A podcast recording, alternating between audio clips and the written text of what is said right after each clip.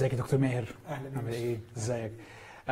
عايز أرحب بيكم كلكم. إحنا يعني يمكن في ظروف استثنائية أه، مش متعودين على إن إحنا نستخدم online media إحنا النهارده في المكتب عندنا وكان عندنا أسئلة كتيرة قوي ولما كمان حاطين على الإنترنت إنه هيبقى عندنا فرصة إن إحنا نتكلم مع حضرتك. أه، كذا حد من الناس بعت أسئلة حلوة قوي. وعايزين نشجع إنه طول الحوار اللي هيبقى عندنا مع دكتور ماهر إنه اكتبوا أسئلتكم لينا بس كمان بصوا على الأسئلة التانية اللي مكتوبة. أه، كل ما الأسئلة تاخد upvotes أو likes أكتر كل ما هيبقى عندنا فرصة إن إحنا نناقشها. لكن بصفة عامة هنحاول إن إحنا نناقش كل الأسئلة والمواضيع اللي يمكن بتدور في دماغنا حوالين ربنا وحوالين الخوف من الوضع الحالي والكورونا وعلاقته أه، بربنا إيه وإحنا نفكر فيه إزاي. بس قبل ما نبتدي أي واحد من الأسئلة عايز يا دكتور أديك فرصة يعني افتتح لينا كده الحوار بتاعنا. آه، تحب تقول لنا إيه آه، شعب ربنا في الوقت ده آه، طمنا وشجعنا بس في نفس الوقت نفتح الباب للحوار. يعني أنا بشكر ربنا إنه بيدينا فرصة إن إحنا نخدم آه، الإنسان نخدم شعب الله المؤمنين ونخدم كل أحبائنا الخائفين اللي عندهم هلع وخوف وأنا بعذرهم جدا في الخوف والهلع. آه، لكن نفسي إنه ربنا يدينا الليلة دي من خلال الحوار والحديث والأسئلة والأجوبة إنه نصل إلى حالة من الاتزان آه، وده اللي عايز أبدأ بيه. آه، إزاي الكتاب المقدس إزاي الإيمان المسيحي آه، يعلمنا نكون متزنين متضعين وحكماء. وخليني أبدأ بالأخيرة الحكماء. الحكيم هو اللي لا يدعي أكثر مما يعرف. العالم كله النهارده في حالة من عدم اليقين من جهة أي شيء. آه، الناس مش عارفة أرقام حقيقية 100% الناس مش عارفة إذا كان المرض ده مدمر وهيفتك تماما بالبشرية ولا ضعيف وإن شاء الله هينتهي. فهناك تطرف في التفاؤل وهناك تطرف في التشاؤم. فأول شيء أقوله إنه ما يليق بنا كمسيحيين وخصوصا كخدام ان إحنا نكون حكماء ونتواضع ونعرف أننا لا نعرف آه، فلا نندفع إلى إرسال رسائل للناس آه، رسائل فيها كلام مخيف ومرعب أو رسائل فيها تطمين مبالغ فيه بدون أي أساس. فدي أول حاجة إن إحنا نكون متواضعين آه، ولا داعي أن ندعي أننا نعلم ونحن لا نعلم. الأمر الثاني إن إحنا نكون متزنين. واقصد بالاتزان بالذات في مسألة الإيمان والخوف. وأكيد خلال الأسئلة والأجوبة هيكون في أسئلة كتير عن الإيمان وأسئلة كتير عن الخوف وهنحاول بنعمة ربنا إن إحنا نتناول هذه الأسئلة من الناحية الكتابية اللاهوتية الروحية وأيضا من الناحية الطبية النفسية. لكن خليني في البداية أقول إحنا كمسيحيين محتاجين بشدة أن نتزن في الأمر ده. إيماننا الواثق العميق المبني على وعود الله بالحماية والحفظ الإيمان بأن الله له سلطان مسيطر على كل الأشياء. آه، ادانا مواعيد إنه ما فيش شعرة من رؤوسنا ستسقط بدون إذن أبينا. أبينا مسيطر على كل شيء. وبين إن إحنا يعني نتهور ونتصرف بجهل فنستهتر ولا نستعمل ولا نطيع النصائح الطبية والنصائح الحكومية الملزمة فلما الأطباء يقولوا لنا اعملوا كذا وكذا وكذا نعمل لما الحكومة تقول لنا اقعدوا في بيوتكم نقعد يعني هذا التهور في عدم الطاعة بناء على إيمان آه، اعتقادي إن هذا جهل وليس له ابدا أي نصيب في الإيمان. خليني أبدأ بقصة جميلة للغاية توضح هذا الاتزان. واحد من المواقف المرعبة اللي عاشها الرسول بولس وهو قدوة لنا في حياتنا الروحية والأخلاقية وعلاقتنا بالله كان في رحلته الأخيرة من أورشليم من إلى روما. المركب الأخيرة الرحلة الأخيرة في المركب اللي اتكسرت واتدغدغت والراجل عانى أيام وليالي سوداء في البحر آه، شاف فيها الموت بدل المرة عشرات. بس في ليلة مميزة حصلت في أصحاح 28 في, في سفر الأعمال. آه في سفر الأعمال أصحاح آه 27 آه يقول الكتاب عنه في عدد 22 إن بولس وقف وقال لكل الركاب اللي معاه اللي كانوا عددهم 256 نفس قال لهم كلام رائع رسالة من الله الحي الحقيقي. أنذركم أن تصروا لأنه لا تكون خسارة نفس واحدة منكم لا تكون خسارة نفس واحدة منكم هذه رسالة من الله الحي الحقيقي للرسول بولس لكل اللي معاه في السفينة بيقول لهم ما فيش نفس واحدة هتموت بالعاصفة والهلاك اللي إحنا عايشين فيه. كيف تعامل بولس مع هذه الرسالة العظيمة؟ اولا الرسالة دي بناء على إيه؟ بولس قالها للناس عدد 23 وقف بي لأنه وقف بي هذه الليلة ملاك الإله الذي أنا له والذي أعبده. قائلا لا تخف يا بولس. ينبغي لك أن تقف أمام قيصر. وهو ذا قد وهبك الله جميع المسافرين معك.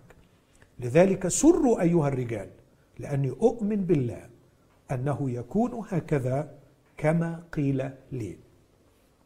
الجزء ده في رسالة من الله الحي الحقيقي. في رسالة من الله الحي الحقيقي عن طريق ملاك أتى حرفيا. ما كانش حلم ما كانتش رؤية. وقف بي ملاك الإله الذي أنا له واتكلم معاه زي ما يكلم الرجل صاحبه. وبعدين هذه الرسالة من الله الحي الحقيقي مش من خلال حلم ولا رؤية من خلال ملاك حقيقي واقعي حرفي جه في زيارة واقعية حرفية. لمين؟ للرسول بولس. الراجل العظيم اللي بتاع مش اللي بيخطرف الراجل العظيم. وجاءت لبولس وهو في حالة إيمان غير عادي بالله فبيقول لهم إني أؤمن بالله أنه يكون هكذا كما قيل لي. تهيألي رد الفعل المتوقع من بولس بعد هذا ال ال بعد هذه الرسالة البديعة relax relax وعيش حياتك وخلاص وطمن الناس. بولس عمل حاجة في منتهى الغرابة بعدها على طول في عدد 30 يقول ولما كان النوتية النوتية اللي هم البحارة يطلبون أن يهربوا من السفينة. مركب وصلت لحتة ممكن من خلالها البحارة ينزلوا قوارب النجاة ويهربوا.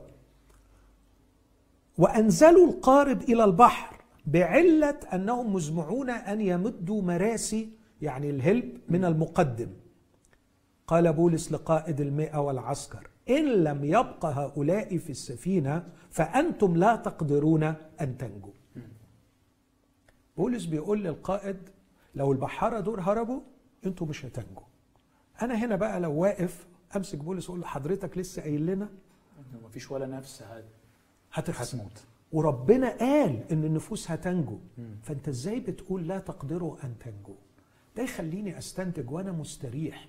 إن الله عندما أصدر قرار النجاة كان واضعا في نسيج هذا القرار الوسيلة التي سيستخدمها والتي هي هؤلاء البحاره فالله لما يقول إنه هينجينا من الوباء الخطر الله لما بيقول إنه هينقذنا من الدمار. لا يستبعد الوسائل البشرية من علم واختراعات وفنون ومهارات.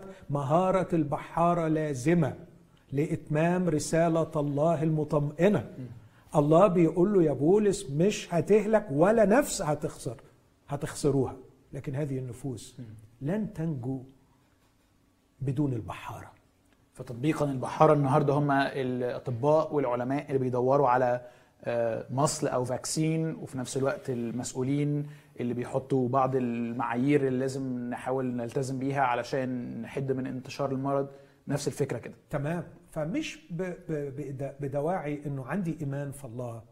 آه، مثلا اللي بشوفه الأيام دي على ال social media آه، الوباء مزمور 91 مزمور 91 مزمور 91 لدرجة إنه للأسف الشديد شيء مخزي ومؤلم إن واحدة مبشرة أمريكية بتطلب من الناس يدفعوا 91 دولار تبرع عشان أيوه. تجي لهم بركة مزمور صح 91 صح. لأنه ينجيك من فخ الصياد ومن الوباء الخطير و... وعشان كده بتاخد ال... آه. دي فرصة تعمل فند ريزنج يعني, يعني. آه. ففكرة ينجيك من الوباء الخطير نفس المزمور ده ده أكتر مزمور يعني بلاش أكتر هو المزمور الوحيد اللي استعمله إبليس في تجربة الرب على الجبل م.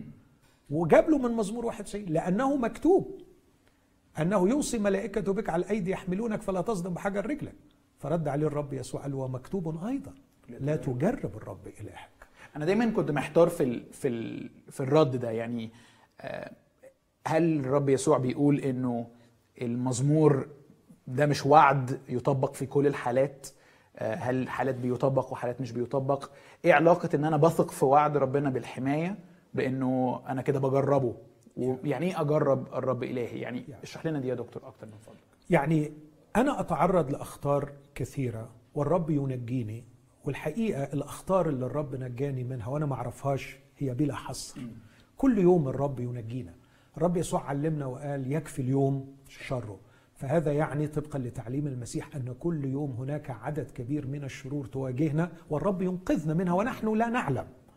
عشان كده بيقول أنتوا أنتوا تبقوا سذج لما تفكروا في مخاطر الغد. هو أنتوا لسه خلصتوا من مخاطر اليوم لما تفكروا في هموم الغد؟ يكفي اليوم شره أنا بخلصكم يوم بيوم من شرور اليوم. ف لكن اللي عايز يقوله الرب يسوع إن طريقة الله لإنقاذنا من الشرور يستعمل فيها حكمتنا البشرية بأن نتجنب المخاطر. يستعمل فيها الوسائل البشرية التي أعدها الله لنا كالطب وغيره لكي نستعملها فنحمي أنفسنا. آه، الوسائل البشرية زي وسائل النظافة العامة فلا نتعرض للأمراض. كل هذا جعله الله في ناسي ده مش مش حاجة مش بتاعة ربنا. كأنه ربنا ليه طرقه في الإنقاذ وهي الملائكة وتدخله المباشر بالكلمة المعجزية لكن الطرق الثانية من عقل ومنطق وإبداع واختراع ووسائل حكمة إن إحنا نعيش حياة نظافة ونخلي بالنا ون ونريح أجسادنا ونريح أنفسنا من الاسترسز اللي حوالين كأنه ده حاجات بشرية في حين إن دي حاجات إلهية ربنا هو اللي حددها وحتمها كوسيلة لإنقاذنا. فعايز يقول لا تتمرد على الأمور الطبيعية التي وضعها الله وتجرب الرب إلهك وتقول بقى يلا يا رب وريني طريقة آه، أنقذني بيها. فلا تضع الله تحت الاختبار. بالعكس اخضع لما سنته الطبيعة واخضع لما علمه لنا الله من خلال الأمور الطبيعية. اخضع ليها ولا تجرب الرب إلهك. لا تجرب الرب إلهك يعني لا لا تصطنع خطرا لا تغامر وتخاطر. وتضع الرب كأنه بتقول أنا هشوف يا رب كلامك صحيح ولا مش صحيح أنت هتنجيني ولا مش هتنجيني. فالوعد قائم لأنه فعلا الله بيحمينا من حاجات كتيرة إحنا ما نعرفهاش. بس ده ما يديناش أرضية أو تبرير إن إحنا ما نشغلش دماغنا أو ما نعتمدش على المنطق في إدارة حياتنا يعني. أو ما نستعملش الأمور الطبيعية لأن دي الله وضعها فوق الطبيعه أوكي. طيب يا دكتور هسألك سؤال تاني قبل ما نبتدي على طول نخش في الأسئلة اللي جاية من الجمهور. وده خليني أقول إيه سؤال برضو أساسي نبني عليه بقية الحوار بتاعنا. سؤال كبير ومش لازم نجاوب عليه من كل جوانبه بس أنا متأكد إنه مهم. ليه ربنا يخلق عالم فيه أوبئة زي الكورونا؟ مش ربنا عنده مبدئيا هو كلية الصلاح وكلية القدرة فهو بيحبنا وعايزيننا أحسن حاجة وفي نفس الوقت عنده المقدرة إنه يخلق عالم أفضل من اللي إحنا فيه ده كتير. وده سؤال عام بنسميه مشكلة الشر والألم بس يمكن النهارده ياخد طابع مختلف لأنه ملوش علاقة بالحروب أو بإرادة الإنسان زي ما بنقول أو بخطية الإنسان المباشرة لكن ليه علاقة بالطبيعة؟ ليه ربنا يخلق عالم الطبيعة فيه متمردة بالشكل ده وبقت ضدنا وخايفين منها وتسبب هذا النوع من الألم والمعاناة في حياة الإنسان. خلينا أقول إن إحنا محتاجين نفهم حاجة عن طبيعة الله وحاجة عن طبيعة الطبيعة جوهر الطبيعة التي نحن فيها. بالنسبة لله كل الإعلانات الكتابية اللي شفناها في العهد القديم والجديد تتكلم عن الله باعتباره جوهره محبة، باعتباره نبع الصلاح. أقرأ لك حاجة مثلا في سفر الأعمال أصحاح 14 بولس لما راح وصنع الخير في لسترا لراجل مقعد آه الكهنة الوثنيين جم وجايبين ثيران وعايزين يقدموا ذبايح لبولس وسيلة متصورين إن هم بولس وبرنابا متصورين إنه الآلهة جات لهم فبولس قال لهم كده في عدد 15 من أعمال 14 أيها الرجال لماذا تفعلون هذا؟ نحن أيضا بشر تحت ألام مثلكم. نبشركم أن ترجعوا من هذه الأباطيل إلى الإله الحي. بص بيوصف الله إزاي. الذي خلق السماء والأرض والبحر وكل ما فيها.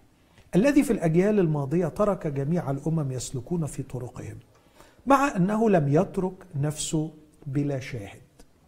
إيه واحد من الشواهد اللي بيشهد بيها الله عن نفسه؟ يقول هو يفعل خيرا. هو يفعل خيرا. يعطينا من السماء امطارا وأزمنة مثمرة ويملأ قلوبنا طعاما وسرورا. بولس بيقدم الله هنا باعتباره نبع الخير نبع الطعام نبع السرور. الله متعته أن يسعد خليقته.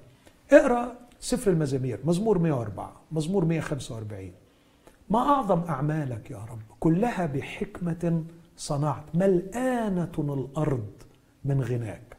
مزمور 145 لما يتكلم عن الرب يقول مراحمه على كل أعماله. الرب يسوع لما بيعلم في العهد الجديد عن الله وطبيعة الله يقول الله كل يوم عنده شغل. هو شغال باستمرار ما بياخدش أجازات. بيعمل إيه؟ يشرق شمسه على الأشرار والأبرار يمطر على الطالحين والصالحين. الله نبع الخير ومسرته أن يسعد البشر وأن يراهم سعداء مستمتعين بخيراته. فدي طبيعة الله. من جانب تاني لازم نعرف إنه لا يوجد هذا الانفصال الموجود في أذهاننا بين الإنسان وأخيه الإنسان وبين الإنسان والحيوان وبين الإنسان والطبيعة. الله عندما خلق الخليقة خلقها كلا متكامل معتمد احده على الآخر. فأنا محتاج للحيوان والحيوان يحتاج إلي وأنا محتاج للنبات والنبات يحتاج إلي. أنا محتاج للهواء والهواء يحتاج إلي. الإنسان والطبيعة والكل كل يعني متكامل. إلا إن هذا الكل المتناغم المتناسق المستمتع بخيرات الله يحتاج إلى عدم الانفصال عن الله يحتاج إلى الالتصاق والاتكال والاستناد على الله لكي تسير هذه المنظومة آه، بطريقة سليمة وبطريقة فيها بركة ونفع للجميع. اللي علمه لنا الكتاب المقدس واللي بتحكيه القصة المسيحية أن الإنسان دخلته رغبة شريرة في أن يخرج عن هذه المنظومة وأن يتأله. يبقى, يبقى إله نفسه. يبقى إله. فالقصة بتحكى بطريقة آه، توضيحية جميلة إنه الحية اللي هي إبليس بيقول للإنسان يوم تأكلان منه من ثمر الشجرة تكونان كالله. فأخذت المرأة وأكلت وأعطت رجلها فأكل. فكرة استقلال الإنسان عن الله ورغبته في التأله أعتقد أنه مش محتاجين أن إحنا نقعد يعني آه، نكافح لاهوتيا علشان نثبت صحة هذا الأمر. انظر إلى البشر اليوم. انظر إلى البشر في فلسفتهم. انظر إلى البشر في دياناتهم. انظر إلى البشر في تعاملاتهم أحدهم مع الآخر. هتلاقي فك رغبة الإنسان في أن يكون المركز. وأن يكون الفوقي وأن يكون المتسلط والمسيطر صراع البشرية كلها في داخل العيلة الصغيرة بين الشلة في المدرسة الابتدائيه أو في الحضانة وبين الزعماء السياسيين في داخل الكنائس أو في الرياضة أحيانا. صراع محموم. مين اللي يسيطر ومين اللي يدهس على التاني ومين اللي يكون من فوق؟ هذا الجنون الذي أصاب الإنسان في مركزية الذات والرغبة في التأله جعل الإنسان ينفصل عن الله. الترتيب الإلهي هو أن الإنسان هو حلقة الوصل بين الله والطبيعة. فطالما أنه مرتبط بمن فوقه يخضع له ما تحته. اخضعوها وتسلطوا عليها. اخضعوها وتسلطوا عليها بمعنى لهم الإدارة وعليهم أن يديروها من تحته دي اللي هي الطبيعة. طبيعة. أوكي. بالضبط. وأن يكون الإنسان سبب سعادة للطبيعة وأن تكون الطبيعة سبب سعادة للإنسان. بس هذا التناغم مشروط بأن يظل الإنسان في وضعه الطبيعي نعمل الإنسان على صورتنا كشبهنا ليمثل الله. مجرد ما استقل الإنسان عن الله حدثت هذه الكارثة أصبح هناك خصومة بين الإنسان والطبيعة. أصبح الإنسان يؤذي الطبيعة. يؤذي الطبيعة. نحن نؤذي الطبيعة. وده علميا كلام ثابت النهارده. يعني النهارده كنت بسمع حاجة بسيطة بس إنه الدرافيل النهارده في البحر بعد ما البشر اتهدوا وقعدوا في بيوتهم شوية الدرافيل ابتدت تطلع وتقب وكأنها بتتنفس من ذل البشر وقهرهم التلوث اللي إحنا عمالين نعمله. نحن نؤذي الطبيعة كل يوم. امسك أي بؤرة في الطبيعة في الأرض النهارده. آه مجرد ما تطأها قدم الإنسان ابحث عن التلوث وعن الدمار حتى ال satellite scans اللي فوق الصين بت record أقل نسب تلوث من 50 سنة. بالظبط. فحيث يغيب الإنسان يغيب التلوث وتغيب الأذية للطبيعة. م. فأصبح الإنسان بدلا من أن يكون قائدا للطبيعة وخادما لها يسعدها ويكرمها ويعتني بها فهي بالتالي تسعده وتكرمه أصبح الإنسان في جنونه وفي طمعه وفي غشمه يؤذي الطبيعة وبالتالي الطبيعة المأذية تؤذيه. الطبيعة تثور. الطبيعة تنتج بتلوثها فيروسز تنتج بكتيريا تنتج أحيانا تلوث تنتج مواد مسرطنة.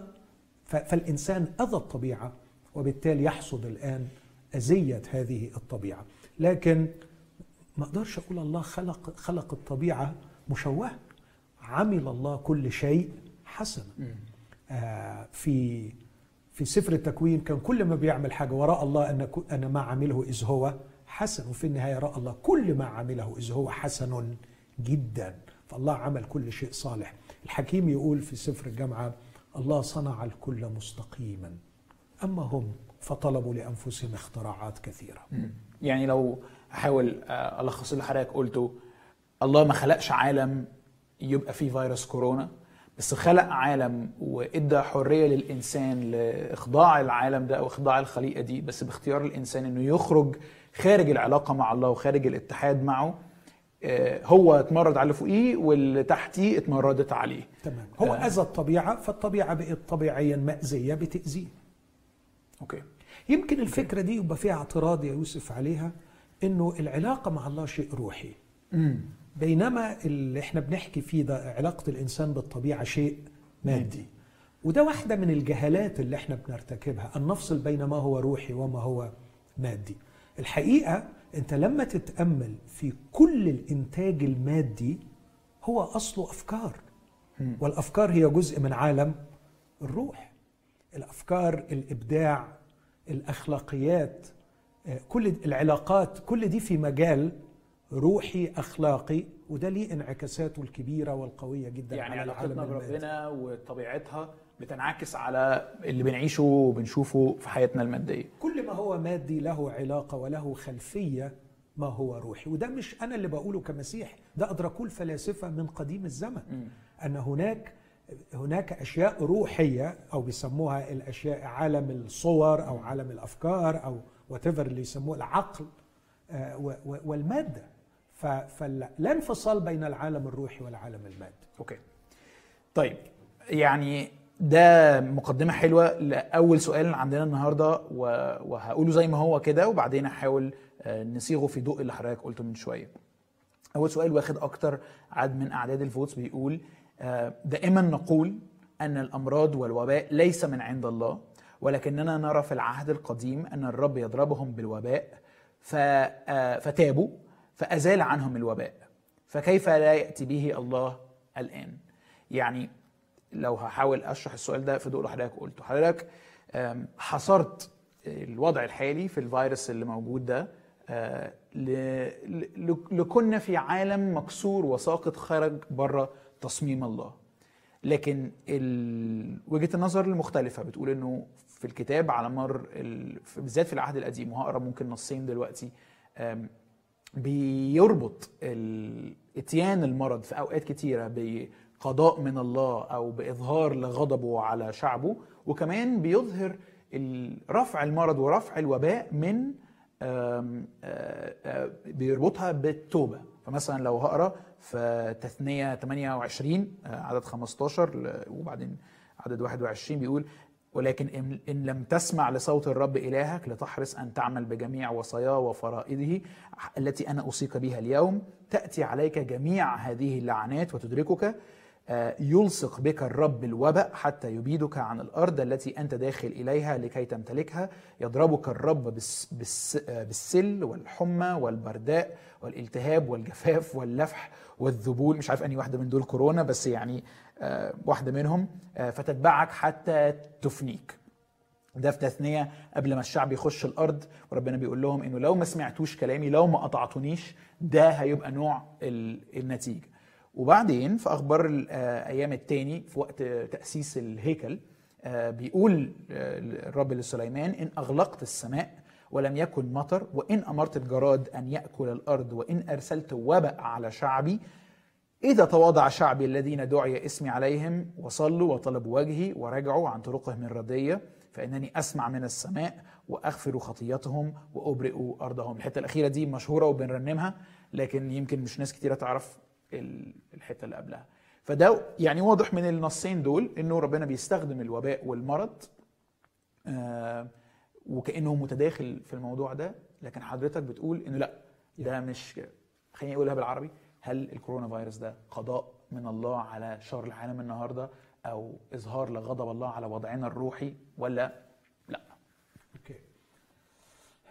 يعني آه، واحدة من أكتر الحاجات اللي مؤذية في تناول الأمور الروحية التسطيح الاستسهال آه، التبسيط إنه آه، خليها بسيطة كده. بنعاني يبقى ربنا غضبان علينا. مبسوطين يبقى ربنا راضي علينا. يعني هذا الأسلوب الطفولي في فهم الأمور اللاهوتية آه، لا يليق.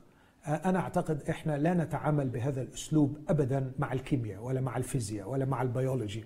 بس نيجي مع أمور الله العظيمة ونميل إلى التبسيط والتسطيح المبالغ فيه. خليني أقول لك بعض الأفكار كده بترتيب كرد على هذا الأمر. القصة المسيحية تقول أن الله نبع الصلاح. الله لا يصنع شرا. الله لا يمكن أن يخرج منه أبدا ما يؤذي. الله حب وما يخرج من الله هو الخير والخير فقط. هخلي حضرتك تكمل بس هرجع للنقطة دي كمان شوية sure. okay فدي أول نقطة النقطة الثانية عندما يكون هناك انفصال واعي من كائن عاقل بإرادته الحرة عن نبع الخير لا يتوقع إلا أن يرى الشر. okay. الإنسان استقل وانفصل عن الله وأراد أن ينافس الله بل صار معاديا لله. الكتاب المقدس يتكلم عننا في العهد الجديد أننا أعداء لله معادين لله. فعندما يتصادم الإنسان مع نبع الخير عليه أن لا يتوقع إلا الشر والأذى دي نمرة اثنين نمرة ثلاثة بناء على النقطتين اللي فاتوا إن الله نبع الخير والإنسان استقل عنه المنطقي والطبيعي أن تكون كل حياة الإنسان بؤس وأن يكون كل العالم أذى وأن يكون هناك شر محيط بالإنسان في كل لحظة من حياته قادر أن يقضي عليه. لكن ده ما حصلش. ليه ما حصلش؟ نمرة ثلاثة لأن الله في رحمته يتدخل كل يوم. ليمنع عن الإنسان نتيجة أفعاله. أوكي. ليمنع عن الإنسان حصاد المآسي التي هو سبب فيها. وتاني أنا بفكرك بالكلمة اللي قلتها في طبيعة الطبيعة أو في سمة الطبيعه إن كلنا مرتبطين ببعض. فواحد يقول لا ده في إنسان طيب وزي الملاك وملوش دعوة ما عملش حاجة. يس أنت ما عملتش حاجة بس في غيرك عاملين مليون حاجة وإحنا كلنا متربطين ببعض والبشرية كلها بتعتمد أحدها على الآخر. البشرية لم تتخلى لم تحرم من أعمال عناية الله والله لم يتخلى عن خليقته على الرغم من معاداتها من معاداتها له. فما زال يشرق شمس وما زال يتدخل وما زال يحمي ويسيطر. لكن في نفس الوقت لم يتدخل بأعمال العناية و و و ويحمي ويعطي طعاما للدرجة التي معها يجعل كل شيء كأنه كل شيء على ما يرام وكأنه لم يحدث إطلاقا انفصال عن الله. أوكي. أوكي. لكن يتدخل بالقدر الكافي الذي يحفظ استمرارية حياة الإنسان. عشان كده إحنا بنقول إنه الحامل لكل الأشياء بكلمة قدرته. به نحيا ونتحرك ونوجد. فما ما سحبش إيده من خليقته ما زال يحميها. الخليقة تعاني نتيجة استقلالها عن الله.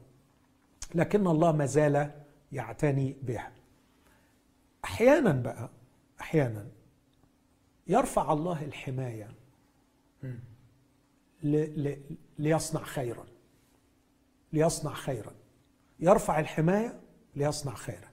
يعني في الحالات اللي حضرتك قلتها هؤلاء ال... هذا الشعب أو هؤلاء البشر مقدمون على الانتحار بكسر وصايا الله. والاستقلال التام والنهائي عن الله. والتمرد الكامل على الله. وللأسف ما بيفهموش بالرسائل التي يصل بها إليهم الأنبياء. يضطر الله أن يرفع أعمال العناية يرفع الحماية بحساب دقيق لكي يذكرهم باحتياجهم إلى الله. فهنا يأتي الوباء أو يأتي السيف أو تأتي الوحوش.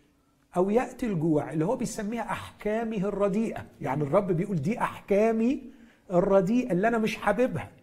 لكن يضطر إنه يرفع إيده لاحظ مش بيعملها.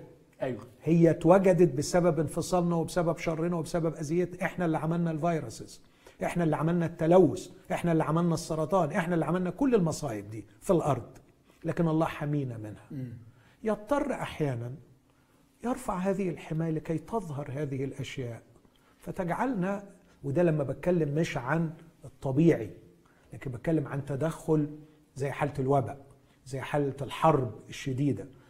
يرفع الحماية قليلا لكي يستفيق البشر ويعرفوا أنهم مساكين ويحتاجون إلى الله. أوكي عشان أتأكد إن أنا فاهم حضرتك. حضرتك كأنك بتقول الدنيا كانت هتبقى أوحش قوي من الوضع الحالي في حالة عدم تدخل الله اليومي الدائم بأعمال العناية الإلهية للحماية كأنه.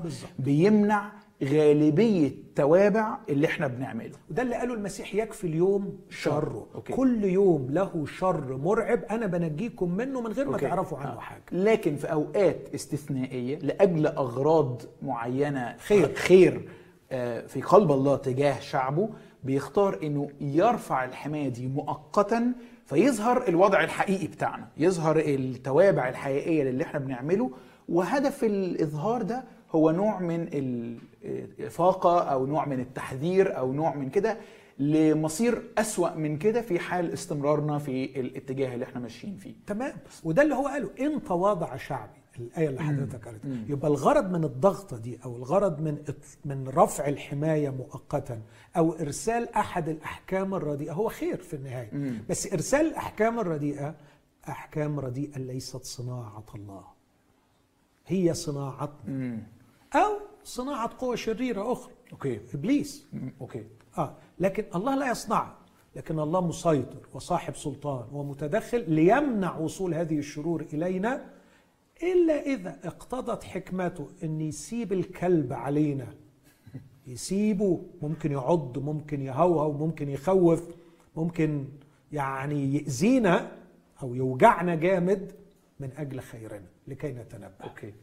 فكأن كأن حضرتك بتقول الوباء والحرب والظروف دي هي مش تدخلات من الله هي تقريبا العكس هي تم تمنعات. دي كلمة؟ صح؟ ينفع أقول الكلمة دي كده؟ امتناع الله أو آه. سحب الله يده. okay. يعني. okay okay طيب.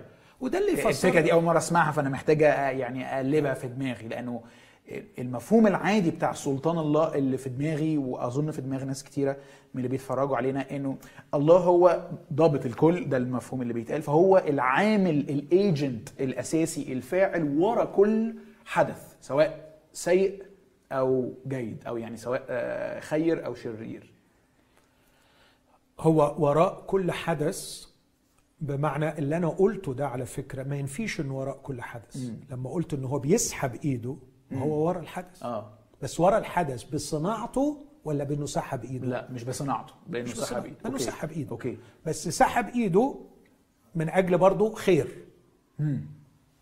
طيب ماذا بقى؟ يعني في هذا السياق بقى وده اللي يقول أول نقطة حضرتك قلتها وال- والنتاج اللي إحنا بنتكلم عنه في آية مشهورة ناس كتيرة بتحتار فيها اللي هي في إشعياء 45 عدد 6 بيقول لكي يعلموا من مشرق الشمس ومن مغربها أن ليس غيري أنا الرب وليس آخر مصور النور وخالق الظلمة صانع السلام وخالق الشر. أنا الرب صانع كل هذه. يعني طب في ضوء اللي حضرتك قلته فسر لنا الآية دي أو اشرحها لنا. دايما بنقول قاعدة أساسية في التفسير كيف كان يستقبل المستقبل الأول هذه الرسالة. من هو المستقبل الأول؟ المستقبل الأول هو بني إسرائيل الذين تمردوا على الملك الرب ملكهم ملك إسرائيل والذين عشقوا العبادة الوثنية في أرضه. أحبوا العبادة الوثنية وهم في أرض يهوى. فقال لهم أنتم بتحبوا العبادة الوثنية في أرض يهوى؟ لا خلاص أنا هبعتكم تعبدوا الأوثان اللي أنتوا حبيتوها في أرضها. فانا هسبيكم إلى بابل. السؤال بقى انتزاعهم من أرضهم وبيعهم عبيد إلى بابل ده خير ولا شر؟ يمكن من وجهة نظرهم ده شر بس في الآخر على المدى الطويل على المدى الطويل بيجيب آه، خير بس آه. هو شر. طبعا. شر. إيه نوع الشر هنا؟ اولا مش شر أخلاقي لكن ده قضاء. مم. ده يعني عقاب مم. على اللي هم عملوه. ناس بت- بتعشق العبادة الوثنية أوكي أسألك سؤال لو كان الرب تركهم ينعمون بكل خيراته وهم يقدمون أطفالهم ذبائح ويعيشون النجاسة والزنا وعشق الأوثان هل هو ده الخير؟ هو ده الخير؟ ده مش خير إطلاقا فكان لابد من أن الرب يعاقبهم على هذه الأمور وعاقبهم في النهاية القضاء يعمل للخير لكي يستفيقوا ولكي يعرفوا أن ما كانوا يفعلونه هو الشر. فكلمة خالق الشر هنا ليس الشر في معناه الأدبي الأخلاقي شر أخلاقي لكن الشر بمعناه هو إنك تنتزع من أرضك وتترمي في حتة تاني. ده خير ولا شر؟ ده شر. فده قضاء. فالقضاء الإلهي من وجهة معينة يراه الإنسان أنه شر. شر. وهو شر بمعنى أن الله منع الخير عنه. أوكي. منع الخير عنه. أنا كنت مقعدك ومعززك وبوكلك وبشربك في أرضي وبباركك فيها. وأنت مصر تعبد الأوثان في أرضي. فأنا همنع خيري عنك وأقول لك روح اعبد في حتة تاني طيب. هل ده بقى يقودنا إنه اللي حاصل دلوقتي هو شيء مماثل لده؟ يعني إحنا النهارده لسنا أقل يعني كمجتمع بشري لسنا أقل شرا من شعب إسرائيل آنذاك وعبادة الأوثان حتى إن لم تكن عبادة تماثيل لكن هي عبادة القوة الروحية اللي ورا التمثال التماثيل من من جنس من قوة من مال. وناس كتيرة النهارده بتشاور على الشرور اللي في العالم وبتقول هتستخدم اللي حضرتك قلته ده؟ آه ربنا شال إيده آه، بالحماية الإلهية فيضرب الكورونا الأرض فده نوع من القضاء الإلهي. هل هل ده هل الفكر ده يعني مترتب على اللي حضرتك قلته؟ بص مش بالضبط ومش بعيدة عنه. أوكي. يعني إيه؟ يعني أنا رأيي لو ربنا عايز يضرب الأرض على فكرة يعني هو ينفخ ويخلصها. مم. يعني ينفخ فيها بنفخته يبيدها. مم. يعني لو هو ناوي يقضي ويضرب الأرض هتاخد معاه إيه يعني؟ يعني ما, ما ينزل نار من السماء ويحرقها مثلا. هو عامل كده مع سدوم وعمورة. سدوم وعمورة يعني. ففكرة إنه قضاء من الله آه اعتقادي يعني إنه شكله أصعب من كده بكتير يعني. مع مع صعوبة الموقف اللي إحنا فيه. الأمر الثاني إنه صحيح فيروس كورونا أو الكوفيد 19 ده منتشر وشرس و و و. بس هو نسانا السرطان بكل أهواله اللي كل يوم بيحصد آلاف من الدنيا. ومن الناحيه الثانية هل إحنا نسينا الأوبئة اللي, اللي, كانت تتكرر مش هقول مثلا في القرون ال- القديمة لكن لغاية القرن العشرين مثلا والإنفلونزا اللي جات في بداية القرن العشرين وحصدت 20 مليون اللي طلعت من أسبانيا مثلا. آه، يعني عايز أقول فكرة إنه هذا وباء وهذا قضاء من الله أنا شايف إن دي فيها شوية تضخيم وشايف إنه الموضوع يا جماعة آه، مش قادر أشوفه بهذا الشكل اطلاقا. لكن كأني أرى الله يرانا في حالة بائسة ويتعاطف معنا وكأنه بيقول لنا هذا هو عمل أيديكم. يعني عارف لما جه الحواء في الجنة وبعدين بعد ما يعني عاتب آه، آدم فجاء ما هذا الذي عملتي؟ هو الله هنا بيسأل سؤال استفهامي يعني هو عايز يعرف منها هي عملت إيه؟ لا هو غالبا استنكاري يعني. آه، يعني انت انت أنت عارفة أنت نيلتي إيه؟ أنت عارفة إيه المصيبة اللي أنت عملتيها دي؟ العك بتاعكم عارفين بيوصلكم لإيه؟ أوكي هسيبكم ولو لأيام أو شهور لعمل أيديكم. احصدوا نتيجة ما فعلتم. ماشيين زي المجانين في صراع محموم. متجاهلين تماما الله واخرجتوه تماما من الحسابات فلتحصدوا شيئا من نتيجة أفعالكم. فمش قادر أشوف إنه من وراء ظهر ربنا وإنه ربنا ملوش دعوة بالموضوع ومش قادر بقى آخد فكرة قضاء من الله مروع على البشرية. يعني طب هو طب وكل ال- الأوبئة والحروب كل ده كان قضاء أم إنه بنحطه في إطار إنه هذا هو العالم الساقط في حالة استقلاله عن الله. يعني إحنا النهارده شايفين إن ده قضاء من الله. ما كناش شايفين اللي بيحصل في سوريا قضاء من الله. الملايين اللي راحت آه، عندك 12 مليون بني آدم متشرد من أرضه. عندك 3 ملايين تقريبا راحوا. حرب العراق وإيران. يعني إشمعنى جينا عند دي؟ وقلنا قضاء من الله. لأنها ليها إحساس مختلف. يعني فكرة إن إحنا نبقى كلنا في الهوا سوا. يعني والتاثير العالمي على كل البلاد. يعني الحروب بتعرف تنسبها لفساد شخص أو فساد سلطة في دولة ما. لكن الأمراض اللي بتنتشر أو الكوارث الطبيعية اللي بتمحي مجموعة كبيرة من الناس مش عارف تربطهم بشيء واحد. ف... فعشان كده مختلفة شوية و... وت... و... وعلى طول تخش في بالنا إنه دي حاجة مش غلطة حد أو مباشرة فده أكيد قضاء الله على شر الإنسان في المجمل. ويل أنا بشوف في النهاية بقيسها بطريقة تاني. هو إيه النهاية النتيجة النهائية؟ ما دي أرواح ودي أرواح ودي أرواح راحت ودي يعني بيقول لك آه، كل الكلام بيتقال إحنا نيجي عند الأرواح وما نهزرش. لازم نعمل كل لأن دي أرواح بشر. طب والأرواح دي مش هي برضو اللي كانت ورا قرارات الحروب ورا قرارات اقتصادية أحيانا حمقاء بتدمر حياة الناس من الجوع؟ إحنا عندنا آلاف بتموت كل يوم من الجوع بسبب قرارات البشر. دي حاجة. الحاجة الثانية أنت لسه بتقول دلوقتي إنه دي مش بسبب غلطة حد. بناء على إيه بنقول كلمة زي كده؟ مش ضمننا ما يمكن حد من العك والتلوث بتاعنا اللي إحنا بنعمله إحنا اللي خلقنا آه. الفيروسات. على فكرة الفيروسات مش كائنات حية. صح. الفيروسات مش كائنات حية. لكن الفيروسات دي إحنا مش عارفين بتطلع إزاي بسبب الدمار والتلوث اللي إحنا عاملينه في الطبيعة. أوكي. طيب يعني هنرجع تاني لل- للمفاهيم اللاهوتية والفلسفية حوالين إزاي نفهم الأمر ده. بس خلينا أحب أنقل كده يعني لفترة ناحية حاجة عملية أكتر وبعدين نرجع مرة كمان لل- للأفكار اللاهوتية وهكذا. كان في سؤال بيتكلم على الاضطراب والخوف من الوضع الحالي. وبيقول بيقول الآتي. السؤال ده آه، تقريبا ثالث سؤال كان واخد فوتس هو أنا لما أخاف وأضطرب على نفسي وعلى وعلى عائلتي يبقى ده عدم إيمان وثقة في ربنا؟ ويعني لو يعني أظن السؤال واضح بس خلينا نقول إنه قدام قدام كل الناس اللي بيقولوا أو بينادوا إن ده قضاء الله أو غضب الله في وقت معين قدامهم ناس تانيين حاسين إنه كوني شخص مسيحي مطلوب مني إني أؤمن مطلوب مني إني أثق في مواعيد الله وحمايته. هنيجي لحماية ربنا كمان شوية. لكن أنا خايف وده حاسس إنه ده كأنه ضعف إيمان أو خطية فيا أو عدم ثقة في ربنا أو هكذا. خلينا أقول لما بقرأ عن الخوف في الكتاب المقدس بشوف أنواع كتير قوي من الخوف وما أقدرش أسويهم كلهم ببعض. لكن خليني أركز على بسرعة ثلاث حالات بشوفها. حالة أسميها خوف مرفوض. حالة أسميها خوف طبيعي. وحالة أسميها خوف مطلوب. تاني قولهم تاني يا دكتور ثلاثة خوف مرفوض okay. وخوف طبيعي okay. وخوف مطلوب. okay. يعني ينبغي أن يوجد. okay.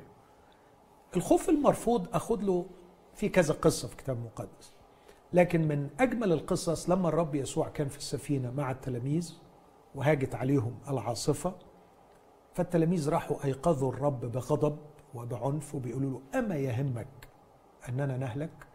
فالرب وبخهم وانتهرهم وقال لهم ما بالكم خائفين يا قليلي الإيمان. الإيمان. فواضح إن الرب ربط الخوف هنا بعدم الإيمان. فده الخوف المرفوض. وهرجع له. بس أروح للخوف الطبيعي بسميه الخوف الطبيعي أو المفروض. مش مرفوض لكن مفروض. مفروض. في سفر أخبار الأيام الثاني أصحاح 20 في قصة جميلة قوي. يقول الكتاب عن راجل محترم اللي هو يهوشافاط.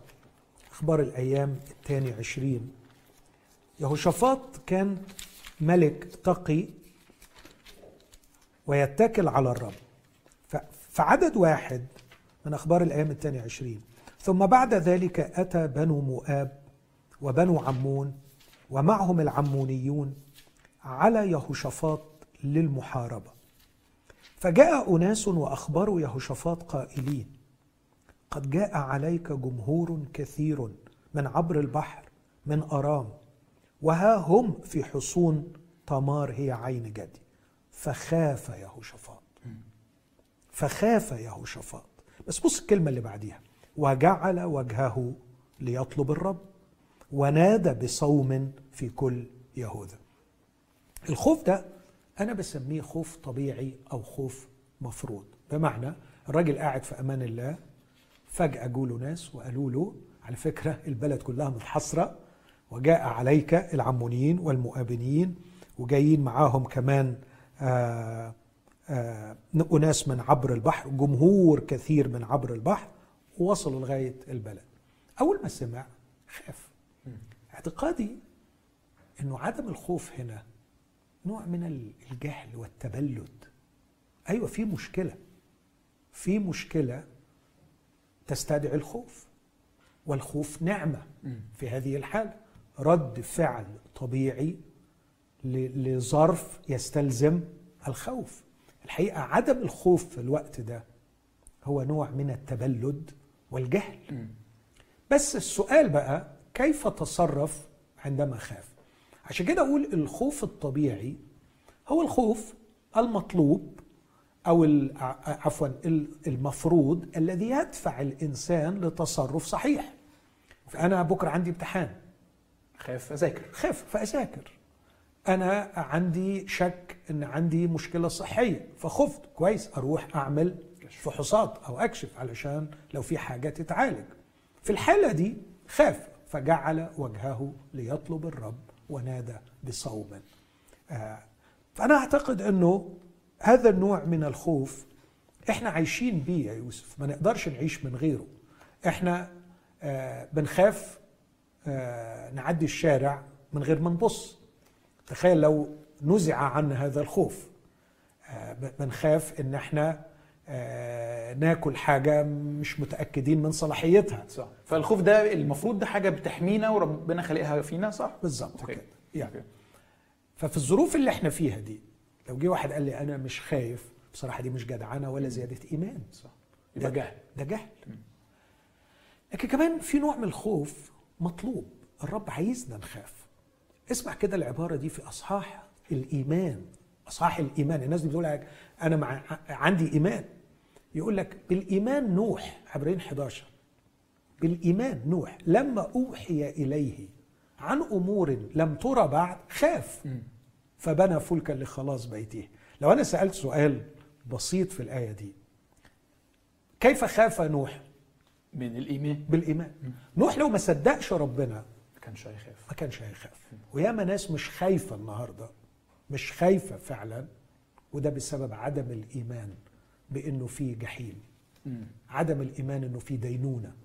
عدم الإيمان أنه على فكرة ما فيش فعل شرير مش هيحاسب. الرب يسوع قال كل كلمة بطالة سيعطي الناس عنها حساب. الناس اللي بتهرج واللي بتضل الناس واللي بتكذب على الناس واللي بتخون واللي بتطمع دي كلها مش خايفة. مرة واحد عمل مصيبة سودة فعلا وأذى ناس كتير. بعدين بقول له ما خفتش ربنا. قال لي عمري ما خفت.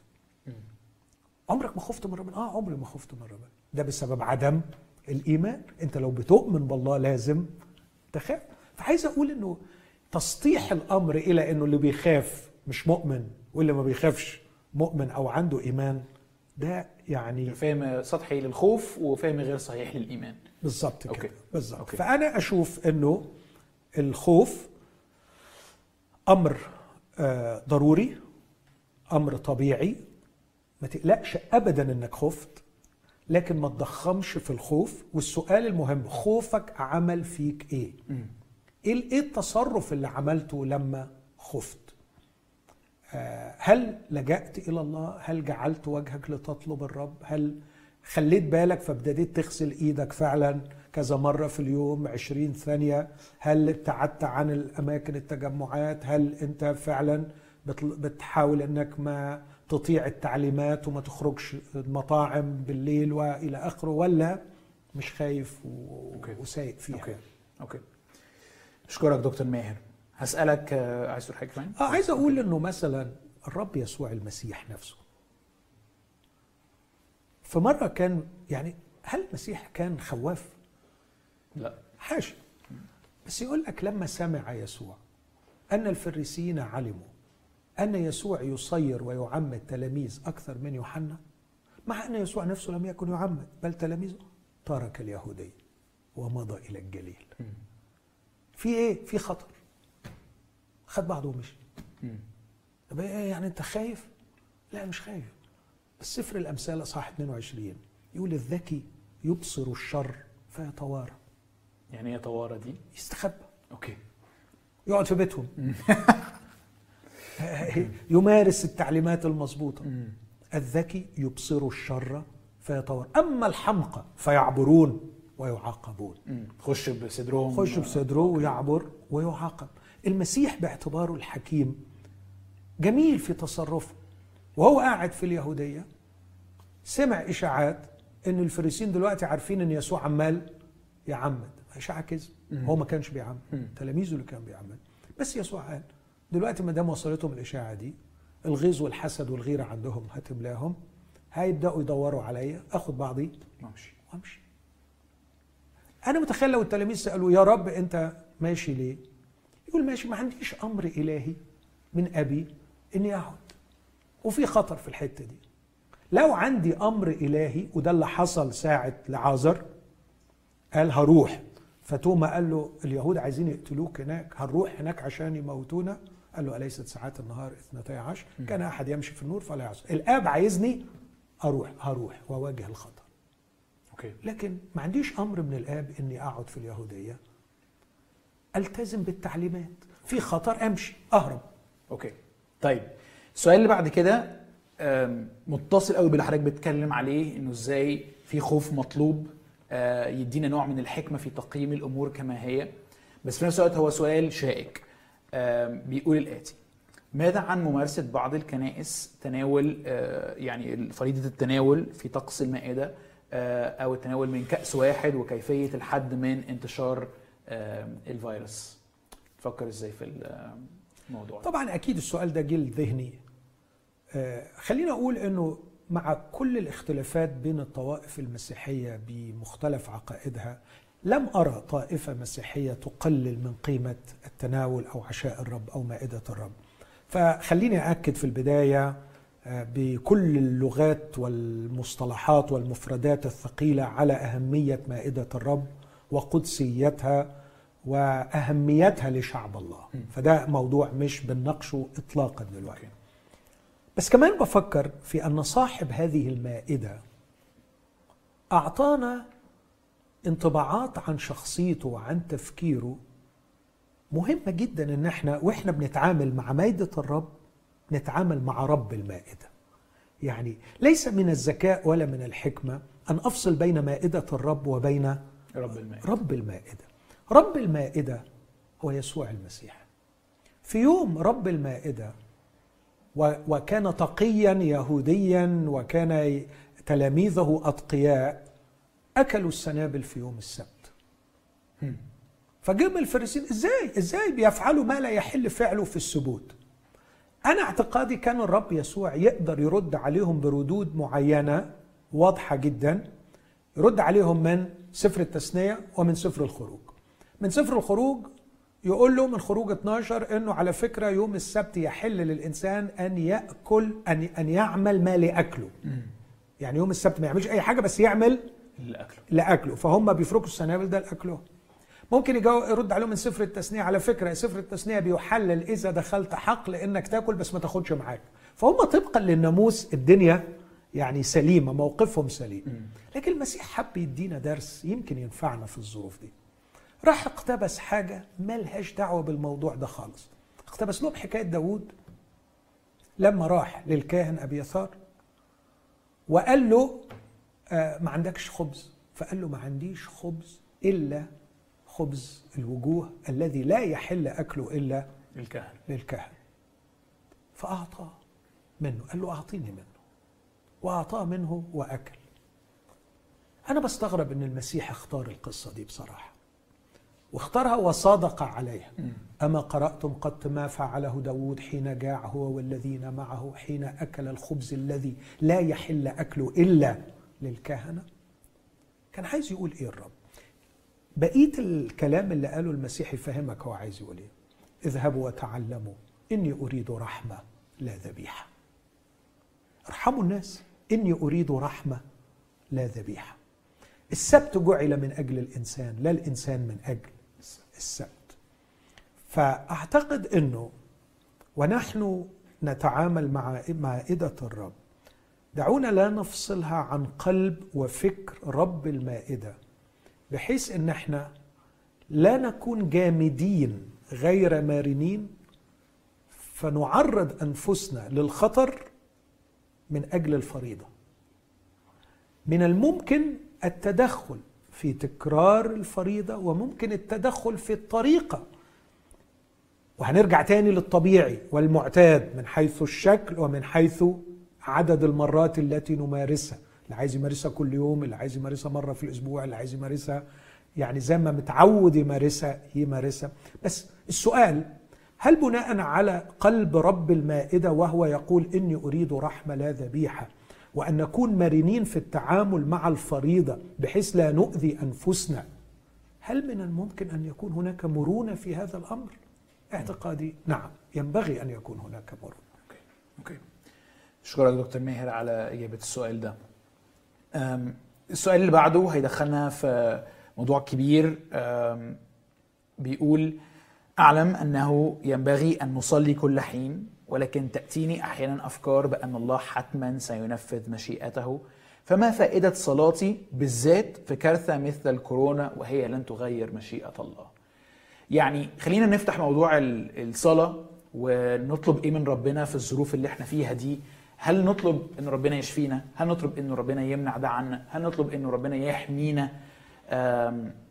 طب هل طلبنا ده؟ آه، ليه أي تقل أو ليه أي قوة؟ ولا بلاش دروشة بالمعنى الصريح. خلينا نجتهد ونخش ونطلب ربنا عادي في حياتنا زي ما بنعمل طول الوقت. يعني إزاي نتعامل مع ربنا بقى في علاقتنا الشخصية في إطار ال- الحتة دي ونطلب إيه وما نطلبش إيه وهو بيشوف طلباتنا دي إزاي؟ يعني طبعا بلاش اللي هي آه، إما أو يعني either or يعني. يعني أصلي و وبعدين بعد ما اصلي ما ما اعملش أي ما ما اتبعش أي تحذيرات أو لا سيبك الصلاة دي دروشة خليني أتبع التحذيرات وأحاول أحمي نفسي. ليه ليه دي يا دي يعني؟ ليه ما ينفعش الاثنين مع بعض؟ وزي ما قلت ان بولس كان لديه رسالة وواثق أن الله سينجي كل نفس لكن الله حط في نسيج الوعد بالنجاة إن البحاره هم اللي هينجوهم الله وضع في نسيج الوعد بإنه ينجينا من الوباء الخطر استعمال المحاذير الطبية التي أمرنا بها من العلم ومن الأطباء. لكن لما نيجي لموضوع الصلاة يعني خليني أقول إنه آه، آه، زمان من عشرين سنة كتبت مقال عن الصلاة وقلت هي هي الدرس الذي أشعر أني لم أتعلمه بعد كما ينبغي. هي ال- البحر بحر السباحة الذي لا يعبر.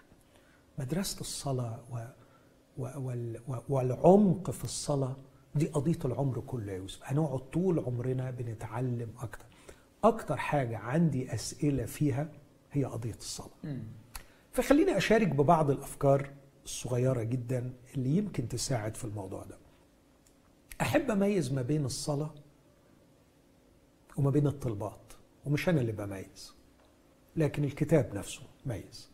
فمثلا بينما الرب يسوع يقول ينبغي أن يصلى كل حين ولا يمل رسول بولس يقول أريد أن تقام صلوات وطلبات وتضرعات في كل وقت. تضرعات وطلبات. إيه يعني دول مش مترادفات؟ لا مش أوكي. مترادفات. آه، مثلا لما يكتب الرسول بولس في فيليبي للمؤمنين ويقول لا تهتموا بشيء بل في كل شيء بالصلاة والدعاء مع الشكر لتعلم طلباتكم لدى الله. وبعدين في الآخر كمان يقول يملأ إلهي كل احتياجكم بحسب غناه في المجد. آه، اعتقادي أنه الصلاة هي حالة نفس متكلة على الله. حالة النفس التي لا يمكن تتصور نفسها في استقلال عن الله. فهي هي شخص على فكرة مش مش بيجي له عنده مواقيت للصلاة. مش شخص آه، عنده آه، أجندة هيصلي كم مرة في اليوم. الصلاة حياة. الصلاة هي إن أنا في كل موقف أستثار لكي ألقي بنفسي على الله. طول ما أنا متفاعل مع الحياة أنا متفاعل مع الله. يا إما بشكر يا إما بطلب يا إما بتأمل يا إما أفكر. فعندما أفكر عندما أختار عندما أقرر عندما أحزن عندما أخاف عندما أحب عندما أغضب أنا أفعل كل هذا مع الله. مش هتعرض لموقف لوحدي. مش هفكر في موقف لوحدي. مهما كان صغير أو كبير. في كل شيء. في كل شيء. لا تهتموا بشيء بل في كل شيء بالصلاة والدعاء مع الشكر. وأنا بتعامل مع أموري الحياتية اليومية البسيطة. ما أقدرش أقول لربنا اركن أنت على جنب دلوقتي أنا هعمل الحاجة دي. هلعب هتبسط هتفسح هاكل هشرب. في كل شيء. أنا معه. معه. احفظني يا الله لأني عليك توكلت. جعلت الرب أمامي في كل حين. هذه هي الصلاة. فأنا معه طول الوقت وأنا أفكر معه وأحب معه وأغضب معه وأحزن معه وأخاف معه وأقلق معه وأغضب معه. هو إلهي وأنا له. في هذا الجو من العلاقة علاقة الصلاة تفيض الطلبات. تأتي الطلبات. و- وأطلب وأطلب كل ما يعن لي وأطلب كل ما يأتي على قلبي وكل ما أطلب. عايز شفاء عايز حل مشكلة عايز حكمة في الموقف ده عايز عايز. بقول له طلباتي. فدول أول نقطتين. أول نقطة إن أنا في حالة اتصال والتصاق بالله. نمرة اتنين إن أنا بقول له كل طلباتي. نمرة ثلاثة أقول نفسي أميز بين الطلبات من الله والتفكير الرغباوي. المفروض أنه مع الأيام بكون كبرت وعقلت وحكمت وتحكمت وميزت بين رغباتي وبين طلباتي. حتى إحنا يعني بنحاول نعلم أطفالنا إنه يا ابني خلي طلباتك تعبر عن احتياجات حقيقية وليس مجرد رغبات. مرات لأنه إحنا بسبب إنه إحنا الطبيعة الساقطة موجودة فينا بتكون رغباتنا رغبات شريره على فكرة أنا كتير من الناس أزواج عندي لما بيدخل في مشكلة مع مراته في العيادة النفسية يقول لك بتجيلي من جوه كده من غير ما أخجل أقولها أتمنى إن مراتي تموت وأخلص. هذه رغبة. أو ناس كتير قوي لما تضيق عليه يا رب خدني. رغبات رغبات. هل الصلاة هي عرض الرغبات الطفولية وغير الناضجة وأحيانا الرغبات الشريرة؟ فده ده سؤال بقول علينا إن إحنا نميز بين رغباتنا وطلباتنا.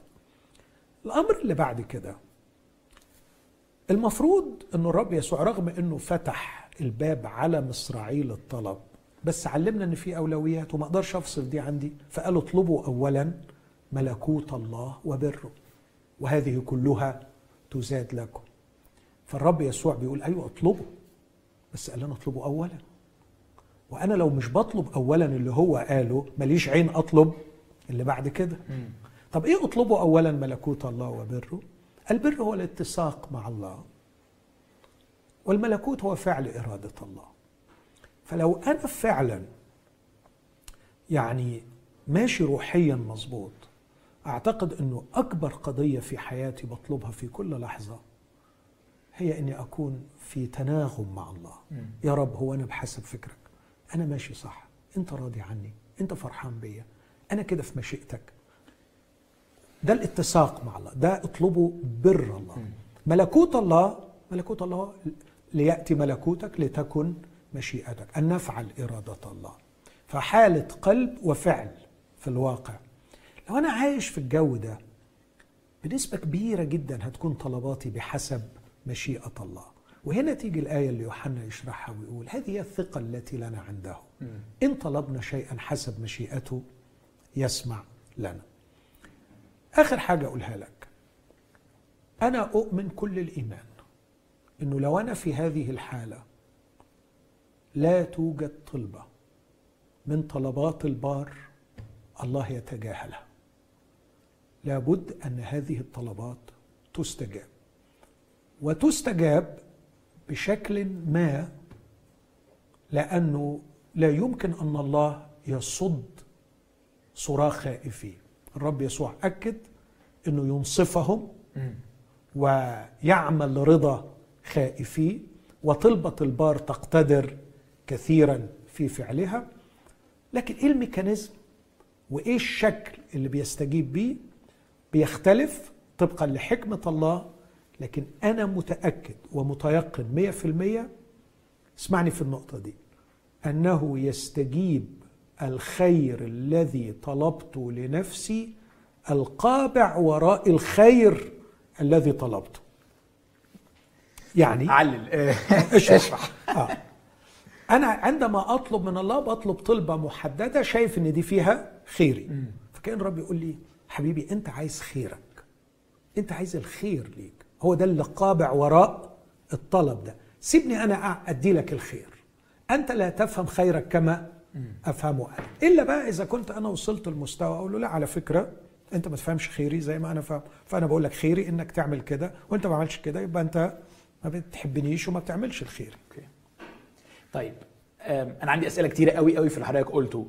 فخلينا كده نمشي فيهم بسرعة شو وأحاول ما ما, ما أخدش وقت كتير في شرحهم. أعرف ناس كتير قوي بيتكلموا عن اللي بيسموه parking spot theology أو parking spot prayers ودي نوع الناس اللي بتقول إيه أنت بتسمع كلام دكتور ماهر وعايز ت...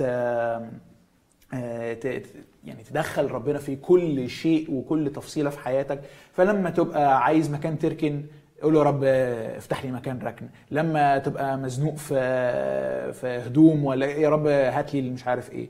وبيقولوا إنه ده نوع من عايزه إيه كأنك بتصغر ربنا وبتدخله في حاجات صغيرة.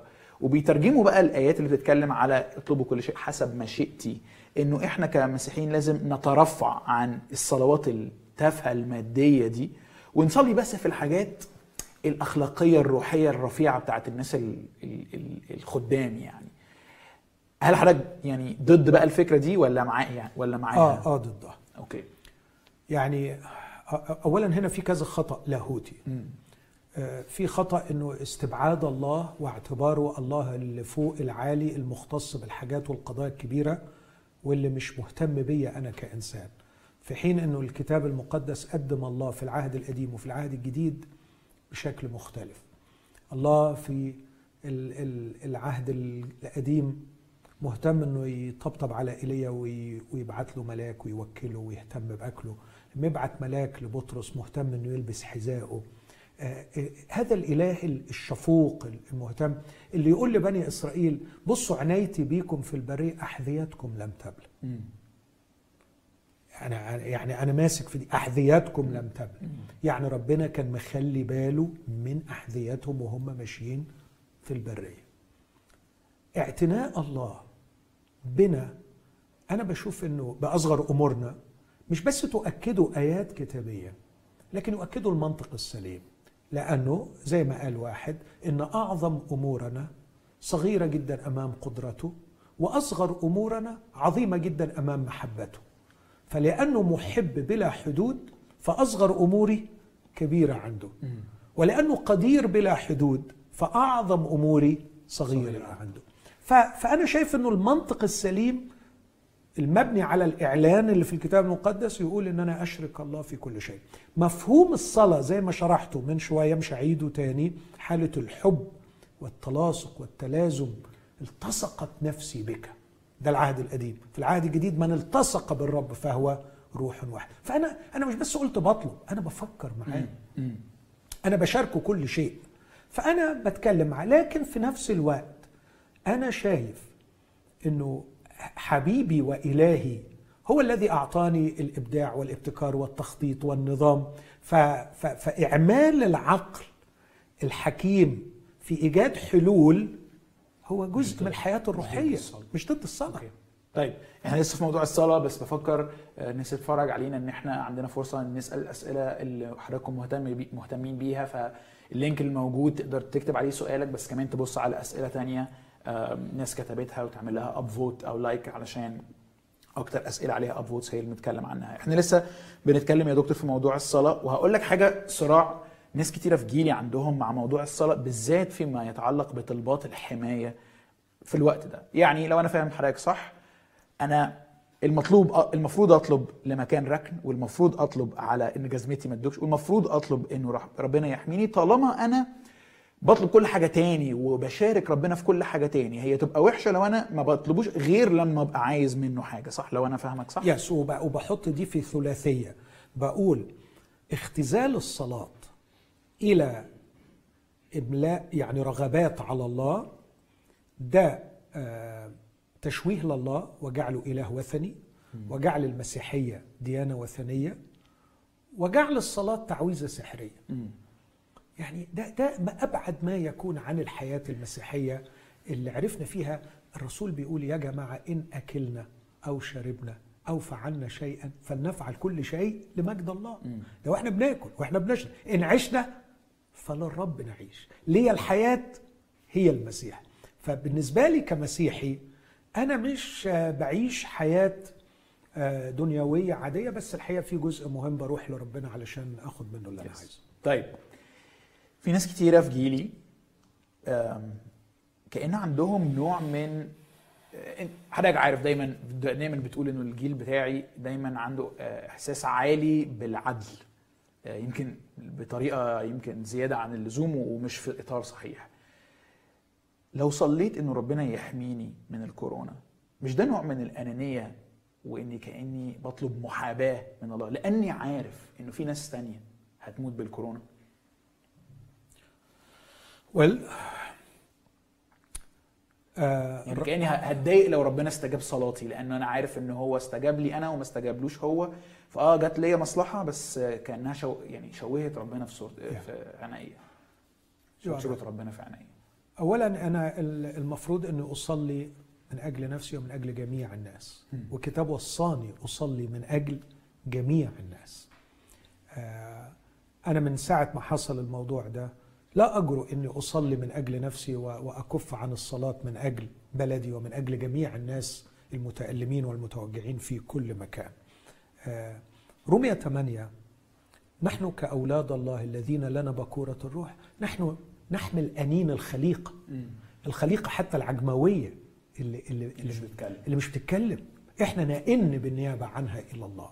فنحن ينبغي أن نتشفع وأن نئن بالنيابة عن جميع الناس. فالانحصار في الذات والصلاة من أجل نفسي أن ربنا يحميني والناس تتفلق دي مش صلاة مسيحية okay. إطلاقا okay دي ممارسة دينية آه، لكن من الجانب الثاني حتى صلاتي أنا يا يوسف من أجل نفسي لحماية نفسي لا تنفصل قط عن إدراكي لخطة الله في حياتي. يعني خليني أقول لك ببساطة كده في أرقى حالات الإيمان ينبغي اني أقول مع بولس على فكرة أنا لي اشتهاء أن أنطلق وأكون مع المسيح ذاك أفضل جدا. لكن أن أبقى في الجسد وعشان أبقى في الجسد أنا محتاج حماية من الأمراض أنا محتاج حماية من الحوادث أنا محتاج حماية من سيف نيرون أنا محتاج حماية من الاضطهاد أنا محتاج أنا محتاج. أن أبقى في الجسد فذلك ألزم من أجلكم. وعشان كده بولس قال إني عالم أني سأبقى معكم. ليه قال كده؟ لأنه عارف ان لسه ليه خدمة. فهو عايز يبقى في الجسد. وقال صلوا من أجلي علشان يتعظم المسيح في جسدي بحياة أو بموت واني بكل مجاهرة كما في كل حين أنادي بالإنجيل. فحتى صلاتي من أجل الحماية مش عشان أنا يا رب لسه صغير في العمر ولسه بدري عليا ولا الحماية علشان أنا يا رب بخاف من الألم وما بحبش الوجع. لكن أنا لي رسالة في هذه الحياة وأريد أن أتممها. فحتى صلاتي من أجل نفسي لا تنفصل عن رسالتي والتي هي في النهاية خير الآخرين وإتمام مشيئة الله في هذه الحياة. فأنا أصلي من أجل نفسي ومن أجل الآخرين وعندما أصلي من أجل نفسي طالبا للحماية هذا لا ينفصل عن رسالتي في هذه الحياة. okay. okay. لو مش مقتنع آه، لا أنا مقتنع. ارجع لي. أنا مقتنع. يعني آه. آه، عارضني يعني. آه يعني بس حاسس آه، كأنها يعني ما أعرفش لو ده تعبير صح بس كأنها إجابة للصفوة للناس اللي مدركين دعوتهم وشايفين رسالة لحياتهم. وفي ناس كتيرة نفترض إنه دي الأغلبية اللي هي يا دوبك عايشة بالكاد ناس أتقياء ومؤمنين وبي يعني عايزين يعني يعملوا اللي عليهم لكن مش شايفين إنه وجودهم على هذه الأرض يعني آم، هو يعني فعال ويعني رسالة شكراً. على الأرض يعني. شكرا يا يوسف إنك أنت سألت السؤال ده يعني ده مهم جدا. يعني هل اللي أنا بقوله فكرة الصفوة دي؟ يعني هل أفسس اثنين هي للصفوة؟ مخلوقين في المسيح يسوع لأعمال صالحة قد سبق الله فاعدها لكي نسلك فيها؟ هل ده للصفوة؟ مش ده اللي بيقول عنه إن إحنا بالنعمة مخلصين بالإيمان وذلك ليس منكم هو عطية الله وراح مكمل عدد عشرة وقال لأننا مخلوقين في المسيح لأننا نحن عمله مخلوقين. ده مش صفوة يا يوسف. وهي دي المأساة الحقيقية إن جعلنا الروحانية الحقيقية للصفوة وجعلنا التكريس للصفوة وجعلنا الدعوة للصفوة. فخلقنا نوع من المسيحية لا علاقة له بالمسيحية الحقيقية. دي المسيحية الحقيقية ده الخلاص. اللي أفسس اتنين بيتكلم أفس- عنه. افسس 2 بيتكلم okay. عن الخلاص okay. فما فيش صفوة في الموضوع. وبعدين لو هناقشك بكلامك وهو فكرة يعني الارتقاء في الحس بالعدالة لدرجة إني لن أصلي من أجل نفسي علشان ده مش عدل من ناحية الآخرين. ده مش صفوة. ده يعني ده ده قمة التعالي والإحساس بإنه أنا صفوة قوي يعني. صح صح. طيب. أنا كان يعني لو هشارك بحاجة صغيرة أنا كنت بقرأ كتاب اسمه The Praying Life الحياة المصلية. لواحد اسمه بول ميلر وكان بيحاول يشجع إنه إحنا مع الوقت لما بنكبر بنبتدي آه، نفلتر الصلوات بتاعتنا ما بنبقاش آه، مثل الأطفال آه، بنبتدي نفلتر فيها ونقول ده يصح ما يصحش نصلي. وبيقولوا ده نابع سنة من نوع من التشاؤم كده إنه الصلاة ما بتعملش حاجة أو إن إحنا مش عايزين نحط ربنا في موقف محرج أو لو استجاب نقول إن هي كده كده كده هتحصل زي ما حضرتك قلت إنه بيحصل تفاعل ما بين الاثنين بس هو بيقول إن إحنا محتاجين نرجع مثل الأطفال مش نصلي صلوات طفولية لكن نرجع بالأتيتيود بتاع الأطفال من ناحية أبويهم عندما يعني يطلبوا ويقتربوا إليهم. بيقول إنه الأطفال مش بيفلتروا طلباتهم بيجوا بكل طلباتهم بإيمان شديد في قوة أهاليهم للتنفيذ. بس في نفس الوقت بيجوا بإيمان وثقة في حكمة أهاليهم إمتى ينفذ وامتى ما ينفذش أو الطلبات دي صح ولا ولا غلط. لكن من ناحية إنه نفلتر لا هو بيقول لا تعالى تعالى بكل اللي عندك. ومع الوقت مع قعدتك مع أبوك السماوي مش هيحصل نوع من أنواع الفلترة بس أنت هتتغير. فنوع الطلبات اللي طالعة منك هتبقى متناسبة مع فكره ومش هتبقى غريبة عليك برضه مش إن أنت هتبقى بتصطنع شيء. يعني أنا أنا كنت موافقك قوي قوي قوي كنت عايز أضيف بس أنت قلتها الحتة الأخيرة إنه إن أنا لما بكبر المفروض إنه بكبر نضج إيه، يجعلني أفهم فكر أبي. فبوصل لحالة من التناغم معه في فكره فبتنازل عن الطلبات أحيانا أو الرغبات الطفولية يعني.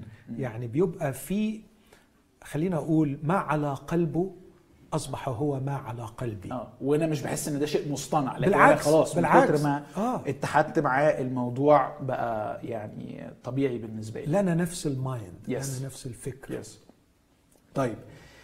بما ان إحنا دلوقتي يعني أنا- حضرتك كأنك شايف الأسئلة معايا يعني يعني كنا لسه بنتكلم على آه، فكرة إن أنا آه، آه، بصلي وبطلب حماية وكمان اتكلمت على أبقى في الجسد ولا أنطلق وكده.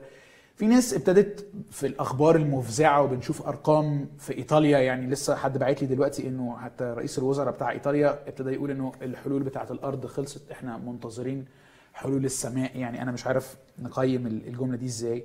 بس في ناس كتير ابتدت تفكر في الموت. وعندنا سؤالين كده ليهم علاقة بالحتة دي. السؤال الأول يعني خليني أقول إيه بيخلي الناس اللي بتفكر في الموت وبتستعد ليه تبتدي تفكر إنه أوكي واضح إن الحياة هشة وممكن تروح مننا في أي لحظة. فنشوف بقى نتوب بقى ون ونفكر ونراجع نفسنا. وفي حد بيسأل سؤال في رايي ذكي جدا بيقول هل رغبتي في التوبة الآن هو نوع من الخداع لنفسي ولله لأنها توبة تحت ضغط الخوف. أحيانا بحس إني بكذب على نفسي وعلى ربنا. يعني أظن السؤال واضح وأحب أسمع رأيك فيه. أنا عايز أقول للشخص اللي سأل السؤال آه، أرجوك لا تكون قاسيا على نفسك بهذا الشكل. آه، أنت لست خبيرا بدوافعك. الدوافع بتبقى عميقة قوي وأعمق من أن أنت آه، يعني على طول تعطيها تفسير أحادي. آه، قد يكون هناك شيء من الرعب وشيء من الخوف آه، لكن هو السؤال هو أنا لما خاف على نفسي وأرغب في خلاصها ونجاتها هل ده شيء يعني ضد مشيئة الله؟ لا أنا خايف وعايز أخلص نفسي. ف لكن أحب أقول كمان إنه التوبة الحقيقية ليست استجابة شعورية فقط لحادث مروع مفزع. أنا خايف فأتوب أجي لربنا. لا دي مش التوبة. التوبة في في الإيمان المسيحي هي الميتانويا. وكلمة meta يعني beyond لما نقول metaphysics ما وراء الطبيعة. ما وراء noia يعني عقل. ما وراء العقل. يعني إيه ما وراء العقل؟ يعني هذا العقل الذي تفكر به في الله وتفكر به في الحياة. يا ترى ما هي الأفكار التي وراءه التي شكلت هذا العقل وجعلتك تفكر في الله بهذه الطريقة؟ الميتانويا هي أن تصل إلى هذه الأفكار وتغيرها. أوكي. فمش التوبة إنك تخاف فتجري على ربنا. لكن التوبة هي هو أنت لما كنت في الوسع مبعد عن ربنا. كنت بعد عن ربنا على أساس إيه؟ إيه اللي كان مخليك مبعد عن ربنا؟ ممكن واحد يقول كنت مبعد عن ربنا عشان أنا عارف إن الحياة مع ربنا بصراحة بؤس. آه، فأنا عايز أتبسط. فأنا عايز أقعد بعيد عنه علشان أتبسط. طب ودلوقتي أنت جاي لربنا ليه؟ لأنه بقى كلها بؤس. فبؤس هنا وبؤس مع ربنا. أختار ده. أحسن وخلص آه، آه، بؤس على الأقل أبقى ضامن السم. لا ده مش توبة خالص. ده ده أسلوب تجاري. لكن التوبة الحقيقية إنه كم من أجير لابي يفضل عنه الخبز. وأنا هنا أهلك جوعا. أنا كان عندي تصور عن أبويا إنه قاسي بس أنا بدأت أتذكر دلوقتي إن أبويا كانوا الأجر اللي عنده بياكلوا وبيشبعوا وبيزيدوا. كان خيره فايض على خيره. فايض. فيبدو إن أنا كنت فاهمه غلط. طب ما أروح وأشوف. أروح وأشوف. فلما راح فوجئ بحاجة تاني. فوجئ إن أبوه بيغمره بالحضن والقبلات وهو بالقذارة بتاعته. هنا حدثت التوبة الكاملة. أوكي. تغير فكره عن أبيه. لا ده أبويا حلو وأنا اللي كنت ظالمه. فكأنه حضرتك بتقول التوبة ممكن تبدأ بالخوف Yes. بس لما آجي لله فعلا آه، ورغبتي إني عايز أرجع له هو مقابلتي معاه هتوسع التوبة أكتر بس من مجرد الخوف إنها تبتدي بقى تغير الأفكار اللي في الأساس بعدتني عنه. بالظبط. okay. اسمع الآيتين دول في سفر ارميا واحدة يقول تكلمت إليك في راحتك. قلت لا أسمع. ومرة تانية يقول أضيق عليهم حتى يشعروا. يعني أحيانا الله آه، أيوه بيضيق علينا علشان يقلب الروتين اليومي بتاعنا يقلب ال system اللي إحنا ماشيين فيه زي التور في الساقية وما عندناش فرصة نفكر ونعيد التفكير. في أنفسنا وأنا اعتقادي أن دي واحدة من أروع البركات من وراء المصيبة اللي إحنا فيها دي. أنه الروتين اليومي يتكسر وإنه العجلة اللي إحنا شغالين فيها كل يوم والطاحونة اللي إحنا شغالين فيها تقف وكل واحد يف- يفاجئ إنه قاعد على الكنبة مش لاقي حاجة يعملها. فيبدأ يراجع حياته يبدأ يفكر يبدأ يقول وأنا ماشي صح ولا أنا عكيت وده كان مظبوط. إحنا يا يوسف نوع الحياة اللي إحنا عايشينها أتحداك تلاقي واحد عنده دقيقة فاضية دقيقة واحدة فاضية ما بيبصش فيها في التليفون. بس ما تلاقيش حد قاعد كده. صح. على طول وصلنا لمرحلة مأساوية في قتل كل فرص اللقاء بالنفس. قتلنا كل فرص ال- الاختلاء بالنفس والانفراد بقى عندنا فوبيا من الزهق. آه على طول بنشوف حاجة. وطول ما إحنا ما بننفردش بأنفسنا مش بنواجهها ومش هنعرف حقيقتها. always distracted. ما عندناش الخوف المطلوب اللي حضرتك كنت بتتكلم عنه من شوية. بالظبط. أوكي. فكأنه دي فرصة حلوة إننا نستعيد الأوقات اللي فيها ينفع نراجع نفسنا لأننا خرجنا من من الساقية أو من الطاحونة بص هو بتتكلم ألم ألم شديد بيوقفني غصب عني وبيقول لي على فكرة أقف وراجع نوع الحياة اللي أنت عايشها. okay. و... وأنا شايف انه إنه الله بيتكلم بطرق كتيرة في الفترات اللي فاتت وبيسمح بحاجات كتيرة بس للأسف عجله الحياة بسبب سرعتها. فلان في ريعان الشباب توفى فلان في ريعان الشباب جاله cancer ما بيجيش غير للناس الكبار. آه، حصل مش عارف إيه بس بسرعة لأنه بكرة ورايا شغل. وبكرة عندنا حفلة بتاعت عيد ميلاد وبعده عندنا فرح بتاع بنت خالتي وبعده مش عارف عندنا سفرية حاجزينها من زمان. طيب كله يقف بقى. مطارات تقف وكله يقعد في بيته غصب عن عينه. مفيش مخرج. مفيش م... فكر بقى فكر. اقعد مع نفسك شوية. راجع حاجة. صح. ويمكن دي فرصة حلوة إنه نشجع إنه نقضي وقت أقل على ال social media أقل على نتفليكس لكن نحاول ندرب العضلات اللي ضمرت بقى لها فترة مش صحيح. بتستخدم القراية ال- الاختلاء الصلاة التفكير المناقشة مع أصحابنا ومع قرايبنا في حاجات ليها معنى بجد. مش بس إن إحنا بنشتكي أو بنضيع الوقت فتفوت علينا الفرصة الحلوة دي. في psychologists حاليا كاتبين عن ال- الم- الفترة الأخيرة في الحياة الأمريكية خلقت syndrome متلازمة مرضية سموها empty self syndrome. يعني متلازمة النفس الفارغة. وقالوا إنه من أهم أعراض النفس الفارغة اللي, اللي, الناس عايشة بيها بسبب ثقافة الاستهلاك وبسبب ثقافة الفيديو وعدم القراءة قالوا إنها بقيت مثلا اسمع الصفتين دول آه، آه، حياة سنسيت مايند يعني عقل مشغول بالحسيات فقط لا يفكر في الأمور ما العميقه وراء الحسية. ما وراء الحسية. والحاجة الثانية إنه ما فيش خالص interior life ما فيش حياة داخلية. وبعدين لما بيقدموا علاج لل- للحالة دي من الناحيه السيكولوجية حتى يقول لك اكسر الروتين الروتين اليومي بتاعك. حاول تكسر الروتين اليومي بأي طريقة. حاول إنك تقرأ ما تتفرجش ما تشوفش بس اقرأ. أنا أعتقد إنه دي نعمة من ربنا اللي اللي إحنا فيه دلوقتي. أو يعني بحاول أشوف حاجة إيجابية فعلا إنه نقدر نكسر الروتين اللي إحنا اتعودنا عليه. العيال تبطل خروج يتهدوا ويقعدوا في البيت. ال- حتى السيفتي يعني حتى- بالظبط بالظبط. خلاص خلاص يعني كفاية خروج كفاية خروج. طالعين كأنه جنون إنه لو ما خرجتش هتخرب الدنيا. يعني آه، في حديث هيفوتني ولا في خروج هتسيبني. يتهدوا ويقعدوا في البيت يفكروا يقروا الواحد يواجه نفسه بأي طريقة جديدة. أكيد كل ده هيجيب بركات أعظم مليون مرة من ال- الخروجات اللي كانوا بيعملوها. ده الجانب الأبوي بتاع دكتور ماهر آه اللي خايف علينا وأشجع إنه فعلا آه محتاجين ناخد الموضوع بجدية بالذات الشباب اللي أنا أعرف كتير منهم. آه خلينا نستغل الفرصة دي نطور علاقتنا بأهالينا وبإخواتنا ونطور ال skills بتاعتنا في التفكير والقراية وال analysis آه لأنه دي حاجات محتاجينها في الحياة ودي فرصة حلوة إن إحنا صحيح. نجيبها. طيب آه، دكتور ماهر معلش أنا عندي لسه كذا سؤال. إحنا قدامنا لسه شوية وقت. تعبت مني؟ لا sure. طيب okay. في سؤال يعني بيتسأل بطرق مختلفة فيما يتعلق بحماية الله لينا. إحنا اوريدي اتكلمنا عن حاجات كتيرة ونطلب إيه؟ بس في ناس بتسأل لو أنا هصلي وربنا عايزني أصلي وأبقى قريب منه وهكذا. بس في نفس الوقت ممكن أنا يعني أعيا زي أي حد تاني. عارف يعني خلينا أصيغ السؤال بطريقة مختلفة.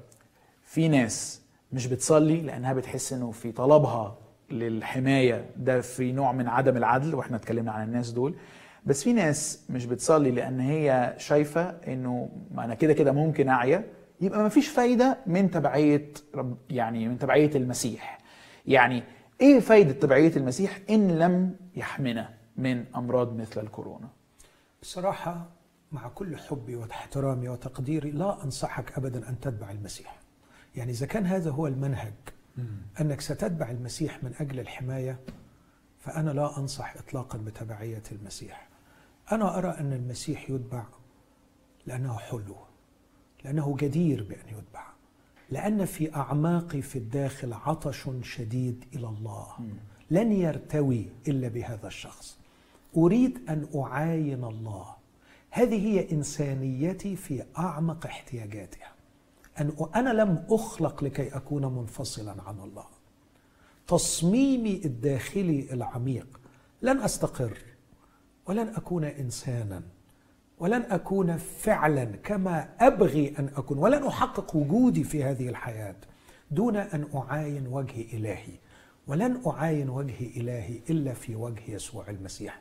فأنا أرى مجد الله معرفة مجد الله في وجه يسوع المسيح. فأنا أحب يسوع وأشتاق إليه. مش عشان الحماية. الحماية دي كانوا بيطلبوها من أرطميس وكانوا بيطلبوها من زيوس وكانوا بيطلبوها من عجل أبيس وكانوا بيطلبوها من من الآلهة إيزيس وأوزوريس يعني من ينظرون إلى الله على أنه فقط فقط مصدر الحماية فهم يريدون حمايته لا يريدون الالتصاق بشخصه. هؤلاء عابدي أوثان. مهما اختلفت أسماء الإله التي يعطونها له هيسموه يسوع المسيح هيسموه الله الآب. هم يعبدون إلها وثنيا تحت اسم يسوع المسيح. أما يسوع المسيح الحقيقي فهو جاء ليقول لنا هذه هي الحياة الأبدية. أن يعرفوك. يعرفوك يعني يدخلوا في شركة عميقة معك. فنتيجة الحياة المسيحية مش الحماية. نتيجة الحياة المسيحية هي معرفة الله الحي الحقيقي ويسوع المسيح الذي أرسله ممكن حد يسألك طب ليه ما تبقاش واحدة منها؟ يعني أنا ماشي أنا موافق مع حضرتك إن أنا مش عايز أعامل الله ك كوثن آه، أو تعويذة بحمي نفسي بيها. لكن كأني يعني أنا معاه و... و... و... و... وبحبه. بس في نفس الوقت إيه اللي يمنع إنك كمان تحميني وأنا ما قلتش إن معنى كلامي إنه ما فيهوش حماية لكن بقول إذا كنت ستقترب إلى الله من أجل الحماية لا تقترب. أوكي. إذا إذا كان هذا هو الهدف النهائي يا يوسف ده معناه محاولة استعمال الله. وده أسوأ من الإلحاد. وأنا دايما بقول كده الإلحاد الملحد يستبعد الله المتدين يستعمل الله. قولها تاني. الملحد يستبعد الله. أوكي. المتدين يستعمل الله. هو يريد أن يستعمل الله. الغاية النهائية هي أنا. أنا وحمايتي وعيلتي وبيتي ونجاحي وفلوسي وصحتي والطريقة بقى عشان أوصل لده كله الجدع اللي اسمه الله. بس قولوا لي جاب منين؟ الصلاة والصوم والعشور وال- وأعمل وأسوي وأروح وأجي فهعملهم علشان أستعمل الأداة دي. فصار الله وسيلة. ده ده كلام ملوش دعوة بالمسيحية خالص. أوكي. بس في ناس هتسمع حضرتك وتقول إنه ده قلة إيمان. إنه أنت آه، مش عايز الناس يطلبوا حماية من من الله علشان ما يحبطوش ويعاملوا برضه تاني صح؟ بتقولني اللي أنا ما قلتوش. أنا آسف. أنت قولتني في الأول قلت إن معنى كلامي ده إنه إيه المانع إن ده وأطلب الحماية؟ أنا ما قلتش ما أطلبش حماية بس أنا بقول ده مش الغرض الحماية ليست الغرض. الحماية تأتي في أكيد أنا إنسان ضعيف مسكين هش بشعر بضعفي. تضرعت إلى الرب ثلاث مرات. أن يشفيني إنه يمد إيده وينقذني من من المرض. بولس بيقول كده. بولس بيقول كده. فأنا هطلب أكيد هطلب في كل شيء الصلاة والدعاء لتعلم طلبات أنا هطلب. ومن ضمن اللي هطلبه هطلب الحماية وهطلب الباركينج إحنا من, من شوية قلنا إنه حتى الحاجات البسيطة هطلبها. بس دي مش الغرض. أنا أريده هو وأريد علاقة معه هو لأنه الحقيقة ده اللي هيخليني إنسان يا يوسف. ودي نقطة أنا نفسي أصرخ أو, أو مش عارف أوضحها إزاي. اعمق أعمق احتياجاتي هي لا أن أحصل على ما أرغب فيه لكن أن أشعر أني أنا نفسي مرغوب من الله. ده ده مولتمان بيقول كده ال- ال- اللاهوتي الجميل إنه اعمق أعمق احتياجاتي مش إني أحصل على ما أطلب أو ما أرغب. لكن ان أنا أصل إلى إني أنا كإنسان شخص مرغوب من الإله. العلاقة العميقة مع الله هي دي أعمق احتياجاتي. في إطار هذه العلاقة العميقة مع أبي السماوي أكيد بطلب الحاجة الثانية اللي أنت بتقولها إنه ده هيقولوا قلة إيمان عشان أنا ما بطلبش. مين قال أنا ما بطلبش؟ أنا هطلب. بس بتطلب كده يعني إيه؟ رجل ورا ورجل قدام. no no no خالص. قله إيمان وده اللي بيمنع إنه الحماية تيجي. لا لا لا خالص. فاهمني بتكلم على أنهي طريقة تفكير yes yes yes بس للأسف الشديد إنه ال- ال- ال- اللي بيقول الكلام ده خلاص زنق الحياة المسيحية وتجاهل الجانب الأساسي اللي أنا بتكلم عنه ده. أن تكون ال- الحياة المسيحية الأصيلة والأساسية والتي تمثل الجزء الأكبر من اهتمامي هو أن أعرف أبي السماوي ويسوع المسيح الذي أرسله. الله لا يلوح لنا بعطايا ولا يلوح لنا بسماء. الله يلوح لنا بشخصه معلنا في يسوع المسيح. okay. مش بي مش بيفرجنا على عطايا بيقول آه إيه رأيكم فيا؟ تحبوا تقولي أنا عندي حاجات كتيرة حلوة أو عندي بيت جميل فوق. مش ده الإله اللي في المسيحية. الإله في المسيحية يلوح لنا بشخص يسوع المسيح. وجماله هل تريدوا الالتصاق بي وهل تريدوا أن تستعيدوا انسانيتكم وأن تكونوا مثل يسوع؟ في في إطار العلاقة معه. كل ضعف إنسانيتي واحتياجاتي في مراحلها المختلفة. يعني وأنا صغير بطلب طلبات وأنا أكبر بطلب طلبات وأنا أكبر بطلب طلبات. وأنا شخصيا بتذكر وبراجع الطلبات بتاعتي وبشوف يعني قد إيه طلبات كانت هايفة جدا طلبتها منه زمان. قد إيه طلبات كانت شريرة. لما براجعها دلوقتي بقول له أنت إزاي استحملتني وأنا بطلب الطلبات دي؟ واشكرك إنك يعني كنت بتاخدني على قد عقلي وبتحايلني وما استجبتش للطلبات دي. أوكي. و- وفي طلبات استجابها لي على فكرة. وبقول له قد إيه أنت كنت جميل إنك كنت بتديني حتى الحاجات دي. لأنك عارف إنها هتبسطني. بس النهارده عمري ما أطلبها. okay. وبختبر فعلا هذه كلها تزاد لك. okay. مرة قلت لمراتي كده أعظم الأشياء في حياتنا التي امتلكناها هي التي لم ندفع فيها أي شيء. ولم نكلف أنفسنا أي عناء من جهتها. هي هدايا أعطاها الله لنا. والواحد ممتن بسبب غمر العطايا الإلهية. أوكي. إحنا تقريبا آه، قدامنا لحد الساعة 9 فده تقريبا 25 دقيقة. ويمكن عندي سؤالين أو ثلاثة تانيين وبعدين هدي حضرتك فرصة برضو للختام. لكن خليني أغير خالص الخط. ونرجع تاني للأسئلة الكتابية. في ناس بيبصوا على الأحداث اللي بتحصل دلوقتي الأوبئة العالمية اللي بتجتاح كل العالم وبيقولوا إنه آه، دي علامات آخر الأزمنة آه، وإنه مجيء الرب قريب وهكذا. يعني هل ده تفسير صحيح؟ آه، ادينا بعض الأفكار هنا. أنا عارف إن الموضوع معقد وكبير بس عايزين بس طريقة نفكر بيها. يعني بص أنا أؤمن كل الإيمان أن المسيح يسوع سيأتي ثانية. وكتير بكرر الفكرة دي بقول لو أن الحقائق الكتابية تقاس أهميتها بكثرة ما ذكر عنها في العهد الجديد فلا توجد حقيقة تضاهي حقيقة مجيء المسيح ثانية لأنه من 260 أصحاح ذكرت صراحة أو أشير إليها 200 مرة في ال 260 أصحاح. فتاني هقول العبارة. لو تقاس أهمية الحقائق الكتابية في العهد الجديد بكثرة ما ذكر عنها فلا توجد حقيقة تضاهي حقيقة مجيء المسيح ثانية. فالمسيح سيأتي ثانية. ومجيء المسيح ثانية هو خلينا أقول مرساة النفس ال- ال- التي تجعلني واثقا أنه يوجد رجاء. ده آخر فصل في القصة.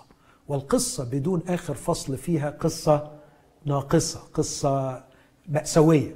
طب وبعدين؟ متعبة قصة متعبة متعبة. لكن أجمل جزء في القصة المسيحية إنه أخرتها ورأيت سماوات جديدة وأرض جديدة. وقال الجالس على العرش ها أنا أصنع كل شيء. كل شيء جديد والمسيح سيأتي وهيضع الأمور في نصابها الصحيح. والظالم سينال ما ظلم به ومن تنجس سيحاسب على نجاسة. يا هيخلص المأساة البشرية ويبدأ الفصل خلينا أقول الفصل الأول في الأبدية السعيدة وتكتمل الخليقة الجديدة فالإيمان بمجيء المسيح أمر لا يتزعزع وهو الذي يعطينا جمال القصة المسيحية. لكن الأمر الثاني أن المسيح علم بدل المرة مرات أن ساعة مجيئه لا يعلم بها أحد. وقال لنا اسهروا اسهروا إذا لأنكم لا تعلمون في أي ساعة يأتي ابن الإنسان. ففكرة أنه عدم القدرة على معرفة وقت مجيء المسيح حقيقة ثابتة بلسان المسيح نفسه. فهو سيأتي لكنه هو أكد أن ساعة مجيئه لا أحد يعرفها.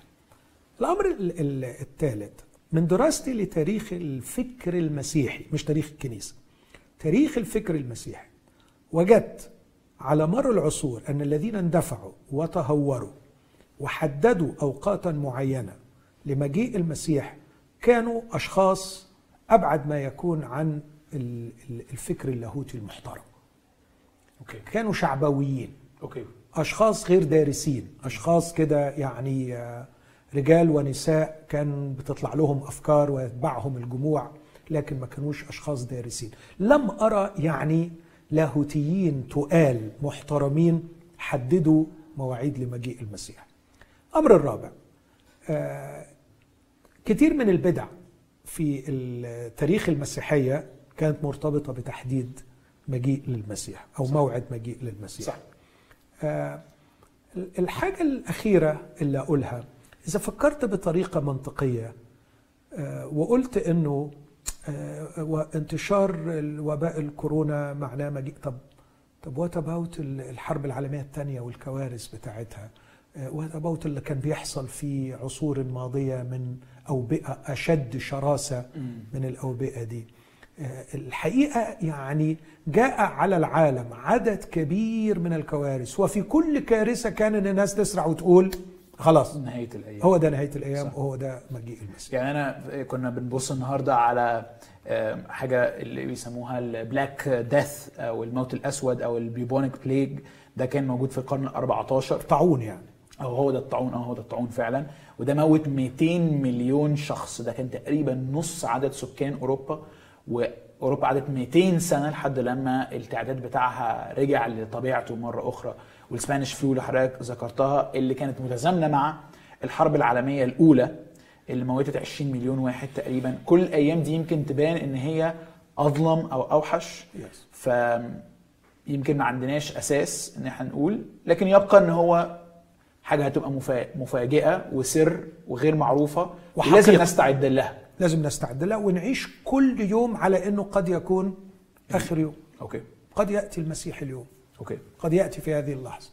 طيب على فهو هذا حقيقة وغير معلومة الوقت. طيب على هذا بقى المنوال كذا سؤال جه عن الموت. يعني يمكن المسيح آه، ما نعرفش هيجي إمتى لكن في ناس كتيرة وأنا قلبي مع قوي قوي آه، ناس كبار السن اللي موجودين اللي بيسمعوا النهارده انه الناس اللي تحت خطر من الكورونا هم كبار السن. يعني الشباب اللي في سني آه، حاسين إن الموضوع عادي وخارجين مش خايفين لكن في ناس كتيرة بيسألوا طيب هو لو الموت قريب هل في طريقة أستعد بيها للموت؟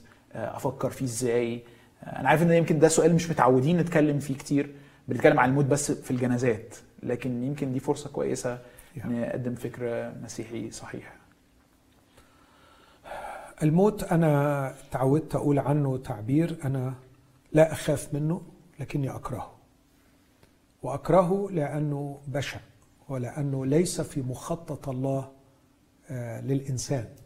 فالله لم يخلق الإنسان للموت بل بالعكس قال له يوم تأكل منها موتا تموت. فإلهنا إله الحياة آه، والحقيقة مشروع الفداء هو لكي يبيد بالموت ذاك الذي له سلطان الموت ويعتق أولئك الذين خوفا من الموت كانوا جميعا كل حياتهم تحت العبودية. آه، يعني برضو لما الرسول يقول في روميا آه، ستة آه، رومية خمسة حتى كما ملكت الخطية بالموت هكذا تملك النعمة الآن بالبر للحياة الأبدية بيسوع المسيح ربنا. تسمح لي يوسف برضو أميل للعمق وعدم التسطيح. مرة عملنا محاضرتين أنا وحسام لو تفتكرهم عن الموت والحياة بعد الموت. وأنا حاولت أميز بين موت الجسد وموت الإنسان. وقلت إن التركيز كله عندنا هو على موت الجسد. بينما نحن نواجه كارثة أعظم وأخطر وهي موت الإنسان. موت الجسد على فكرة موت الجسد للشرير وللبار هيقوم. هيقوم تاني من الموت. هيقوم تاني من الموت. لكن المأساة هي موت الإنسان. لأنه ل- لو الإنسان ظل في موته معلش اشرحها يا دكتور للناس اللي ما كانش سامعة يعني في إيجاز يعني إيه موت الإنسان دي؟ آه موت الإنسان الإنسانية ولدت لا تولد مكتملة لكنها تولد مشروع تدب فيه الحياة ويحيا الإنسان من خلال علاقته مع الله. فبدون الاتصال مع الله الإنسان في حالة موت. عشان كده مثل المسيح في يوحنا خمسة وهو بيشرح غرض إرساليته للعالم. لماذا جاء المسيح إلى العالم؟ يقول كده تأتي ساعة وهي الآن. حين يسمع الأموات صوت ابن الله والسامعون يحيون فالمسيح جاء لكي يحيي الأموات وبيقول يسمع الأموات يعني ما يقصدش أنهم أموات الجسد لكن ميت كإنسان أين الإنسان؟ أذكر في مرة كنت أنا وابني بنتجول في مكان ما وشفنا كم البؤس وكم الشر وكم فابني همس كده وقال لي بابا أين الإنسان؟ أين الإنسان؟ فين الإنسان؟ فعلا الإنسان ضاع لما تشوف قسوة الناس ولما تشوف الشر وتشوف النجاسة وتشوف تشييء المرأة وتشوف البورنوجرافي وتشوف ال- الإباحية والإدمانات المختلفة وتشوف إزاي الشباب بيتعامل في الخارج مع المواد ال- المدمن ال- الإدمانات المختلفة أين الإنسان؟ أين الإنسان في كرامته؟ أين الإنسان في حنانه؟ أين الإنسان في سموه ونبله وعظمته؟ فين الإنسان؟ لقد ضاع الإنسان. المسيح جاء وبيقول كده يوحنا 5 24 الحق الحق أقول لكم إن من يسمع كلامي ويؤمن بالذي أرسلني اسمع الآية دي له حياة أبدية ولن يأتي إلى دينونة بل قد انتقل من الموت إلى الحياة. يبقى إذن المسيح يتكلم هنا ليس عن موت الجسد لكن عن موت الإنسان. رسول بولس يقول وأنتم إذ كنتم أمواتا بالذنوب والخطايا التي سلكتم فيها قبلا وهنا يدينا تشخيص حسب ظهر هذا العالم حسب رئيس سلطان الهوى عاملين مشيئات الجسد والأفكار. يعني من يعيش ضحية؟ لضغط الأقران وضغط المجتمع. و- ولأفكار فجائية تأتيه مش عارف مصدرها. من إبليس. أو جست عشان يعمل رغباته. متساق كده. بتساء هذا ليس إنسان. أوكي ده نسخة. ماشي اللي بيعملوه الناس هو بيعمله. الناس ماشية في الاتجاه ده هو ماشي.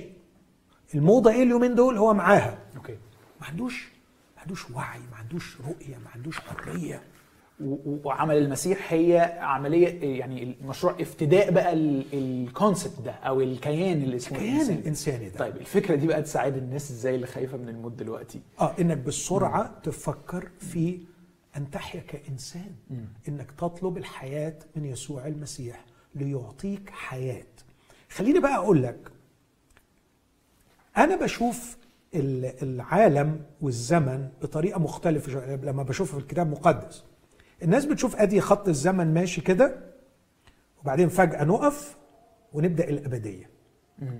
الحياة المسيحية مش كده. الحياة المسيحية بتقول أدي خط الزمن ماشي كده والأبدية ماشية جنبه. كانهم يعني متوازيين. مم. okay once إنك تقبل المسيح أنت بتخطي بتحط رجلك في الأبدية من دلوقتي مم. فبتبقى ليك رجل في الأبدية ورجل في ال... ورجل في هذا العالم الحاضر okay. وتنقل الحياة الأبدية وأفكار الأبدية وبركات الأبدية إلى العالم الحاضر وهي دي رسالتك في الحياة أول ما تخلص رسالتك تضم رجلك التانية على الأبدية فبالنسبة لي الموت ليس هو نهاية أو إن أنا هدخل لعالم لا أنا عايش في الأبدية من دلوقتي. بتفكر نفس الأفكار بتاعتها والمبادئ بتاعتها هي اللي حاكمة في طريقة تفكيرك وبتحاول تبقى قناة لدخولها في العالم. في العالم. الحالي. أوكي. أكتر شوية من إن أنا أفكر بطريقتها. الأبدية بالنسبة لي هي أن أكون في حضن حبيبي. أن أكون أمام العرش. أن أكون مع المسيح. إذا كنت أنا من الآن معه وإذا كنت أعيش في حضرته فأنا خطيت السور عديت الحاجز. أنا دلوقتي حاطط رجل بص الخلاص اللي خدناه اسمه خلاص أبدي. المجد اللي خدناه اسمه مجد أبدي. الحياة اللي بنحيا بيها اسمها حياة أبدية. الميراث اللي حطيت إيدي عليه اسمه ميراث أبدي. وأقدر أعد لك حاجات كتير يسميها الكتاب إنها حاجات أبدية. مش هناخدها بعدين. لكن دلوقتي. دلوقتي. فأنا بقيت فيها من دلوقتي. بس عندي رجل في العالم المادي. الرجل اللي في العالم المادي دي بسبب حياة الجسد. لسه جسدي حي في هذا العالم المادي. لكن بروحي أحيا في العالمين معا. أحيا في موطني الأبدي سيرتنا هي في السماء. أنا جنسيتي وموطني ومصدري ومآلي هو الأبدية.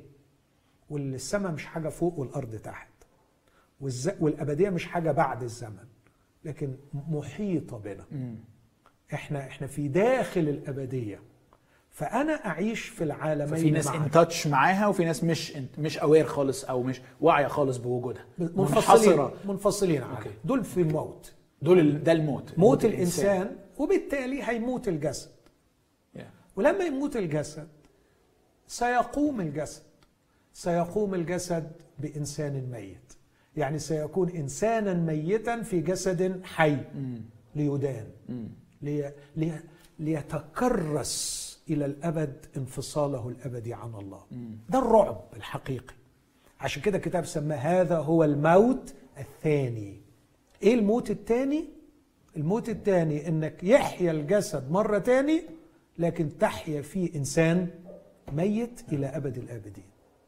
ده ده الشيء المخيف. لكن موت الجسد. جسد لما يموت بيلي جريهم قال الكلمة الجميلة دي المعروفة آه، سيأتي يوم وتسمعون أن بيلي جريهم قد مات. لا تصدقوا. بيلي جراهام لم يمت. سأكون حيا جدا أكثر مما أنا حي الآن لكني غيرت عنواني. ف- فكأنه ال- ال- الطريقة بتاعت حضرتك في التفكير في الموت إنك صغرت قوي من سطوته ومن قوته لأني أنا already متصل بالعالم التاني. فالموت ده ما بقاش الحاجة اللي هتنهي بقى حياتي بالعكس ده اللي هتوج آه، الانتقال اللي already ابتدى من العالم المحصور في الماده للعالم الروحي. عشان كده بولس يقول الموت ربح. ليه الحياة هي المسيح والموت هو ربح؟ ليه ربح؟ لأن هخط رجلي التانية فأبقى كلي بقى في الوضع اللي أنا مستمتع بيه. أوكي. طب آه، إيه لازمة وجودي هنا وليه مش عايز أموت؟ لو أنت سألتني دلوقتي ماهر أنت عايز تموت؟ أقول لك لا مش عايز أموت. ليه مش عايز أموت؟ عشان بصراحة عندي رسالة عندي ناس عايز أكلمهم عن المسيح عندي أولاد في الإيمان بربيهم عندي خدمة لسه بأديها فعايز أتممها. أن أبقى في الجسد ألزم. لكن إذا جاءت لحظة ال- الفراق سأكون أكثر حياة وأكثر نشاطا وأكثر ابداعا وأكثر فرحا وأكثر مرحا وأكثر متعه من الآن. أوكي. عشان كده أنت مش بتخاف من الموت بس لكن بكرهه. لكن بتكرهه لأنه بكرهه لأنه عدو. لأنه عدو ولأنه ليس في مخطط الله. آخر عدو سيبطل هو الموت. أوكي. طيب دكتور إحنا تقريبا آه، قربنا قوي على نهاية وقتنا فأنا عايز أدي لحضرتك مساحة. إنك آه، يعني تبص للكاميرا وتكلم الناس وتديهم رسالة أخيرة تشجعهم وتتحداهم. بس كمان لو أطلب منك تقول لنا شوية كمان آه، نصايح نعدي الوقت اللي جاي ده إزاي؟ نعمل إيه؟ يعني لو آه، يعني. يعني ال- ال- اللي أقدر أقوله إحنا كلنا جزء من العالم والعالم الآن اللي ما نقدرش نفصل نفسنا عنه للأسف بسبب إحاطتنا الشديدة بالميديا وبالأخبار من كل جانب آه، العالم في حالة هلع في حالة خوف رعب. الخوف طبقا لفيلسوف مشهور معاصر اسمه روبرت سي روبرت وده راجل فيلسوف كبير. بيقول الخوف هو تصور الذهن تصور ذهني عن ما يهمك. تصور ذهني عن ما يهمك. فأنا أتمنى من كل قلبي لكي لا نكون ضحايا لهذا الهلع إن إحنا نعمل حاجتين. الحاجة الأولانية نسأل أنفسنا هو إيه اللي بيهمنا؟ ما هو المهم بالنسبة لنا؟ إيه أهم حاجات في الحياة؟ هل أهم حاجات في الحياة هي خططي وأحلامي وأولادي وبيتي والبزنس بتاعي؟ هل هي دي أهم حاجات؟ ويل ممكن تكون دي أهم حاجات بس يمكن جه الوقت لتعيد ترتيب قائمة الأمور المهمة. ولو عايز نصيحة ما تاخدهاش مني من جهة ما هو الأهم لكن خدها من المسيح يسوع. الرب يسوع قال اطلبوا اولا ملكوت الله وبره. اجعل على رأس قائمة الأمور المهمة في حياتك أن تتسق مع الله هذا هو بر الله أن تعمل إرادة الله هذا هو وجودك في ملكوت الله. بدون الاتساق مع الله أنت غير مبرر وبدون فعل إرادة الله أنت خارج الملكوت. راجع قائمة اهتماماتك واعملها عمليا فعلا. هات ورقة وقلم واكتب ما هي الأمور المهمة بالنسبة لي. أول حاجة ممكن تقول أولادي. تاني حاجة فلوسي. تالت حاجة البيزنس بتاعي. اكتب القائمة وأرجوك أشطب عليها. أشطب عليها وعيد القائمة من أول وجديد. وخلي على رأس القائمة أهم شيء ملكوت الله وبره. وبعدين اكتب الباقي. والرب بيوعدك إن الباقي كله هذه تزاد لكم. سيعطيك الرب. سيعطيك أولادك. سيعطيك البزنس بتاعك. سيعطيك كل شيء. لأنه يمنحنا كل شيء بغنى للتمتع. بس الأول يطمن عليك إنك هتعمل الحاجات دي هتستعملها كويس وهتتعامل معاها كويس لما يبقى الأمور الأهم اتحطت في مكانها الصحيح. الأمر الثاني طبقا لكلام الفيلسوف ده تصور ذهني عن أمور تهمك. دي المشاعر بصفة عامة. فالهلع هو تصور ذهني عن أمور تهمك. ده شعور. عايز تظبط الهلع ده وتطلع منه عيد ترتيب قائمة اهتماماتك لكن كمان اضبط تصوراتك الذهنية. اطلب من ربنا إن يكون عندك عقل سليم تفكر بيه طريق بطريقة صح في الواقع. إيه هو العقل السليم؟ العقل السليم أول شيء إنه مهم فيه إن عمود الخيمة فيه هو الله. أوعى تغلط غلطة الناس في روميا واحد الذين لم يستحسنوا أن يبقوا الله في معرفته. أنا ما أعرفش كانت مساحة الله في ذهنك قد إيه في السنين الماضية. آه يمكن كان موجود بس على المحيط. أرجوك خلي الله يدخل ليكون في المركز. أي حاجة تاني في المركز؟ يمكن ده يكون الوقت المناسب أنك تزحزحها وتزقها ناحية الهامش. وترجع الله أن يكون في مركز الحياة. الذهن السليم هو الذهن الذي يستبقي الله في معرفته فيحكم دائما احكاما صحيحة ويقرأ الواقع دائما قراءة صحيحة. لن تخطئ قط في قراءة الواقع واعطائه حجمه الصحيح طالما الله في مركز الذهن. الذهن اللي بيدور حول الله واللي بيدي الله حقه واللي بيفهم الله صح هو الذهن اللي هيفكر في الواقع بطريقة صح وهياخد قرارات صح. خلينا أدي لك تطبيق عملي. يعني إيه الله يكون مركز ذهني أو عمود الخيمة في ذهني. من ضمن صفات الله في ذهني أنه الأول والآخر البداية والنهاية الألف والياء. الله في ذهني هو صاحب الكلمة الأخيرة ليس للفيروس ولا للناس ولا للأمراض ولا للحكومات. صاحب الكلمة الأخيرة هو الله. لما يبقى ذهني بيدور حوالين إله أنا مؤمن بيه وأنا واثق فيه وعارف إن الإله ده هو صاحب الكلمة الأخيرة. لما أبقى مؤمن إن الله هو ملك الدهور الذي لا يفنى الإله الحكيم الوحيد.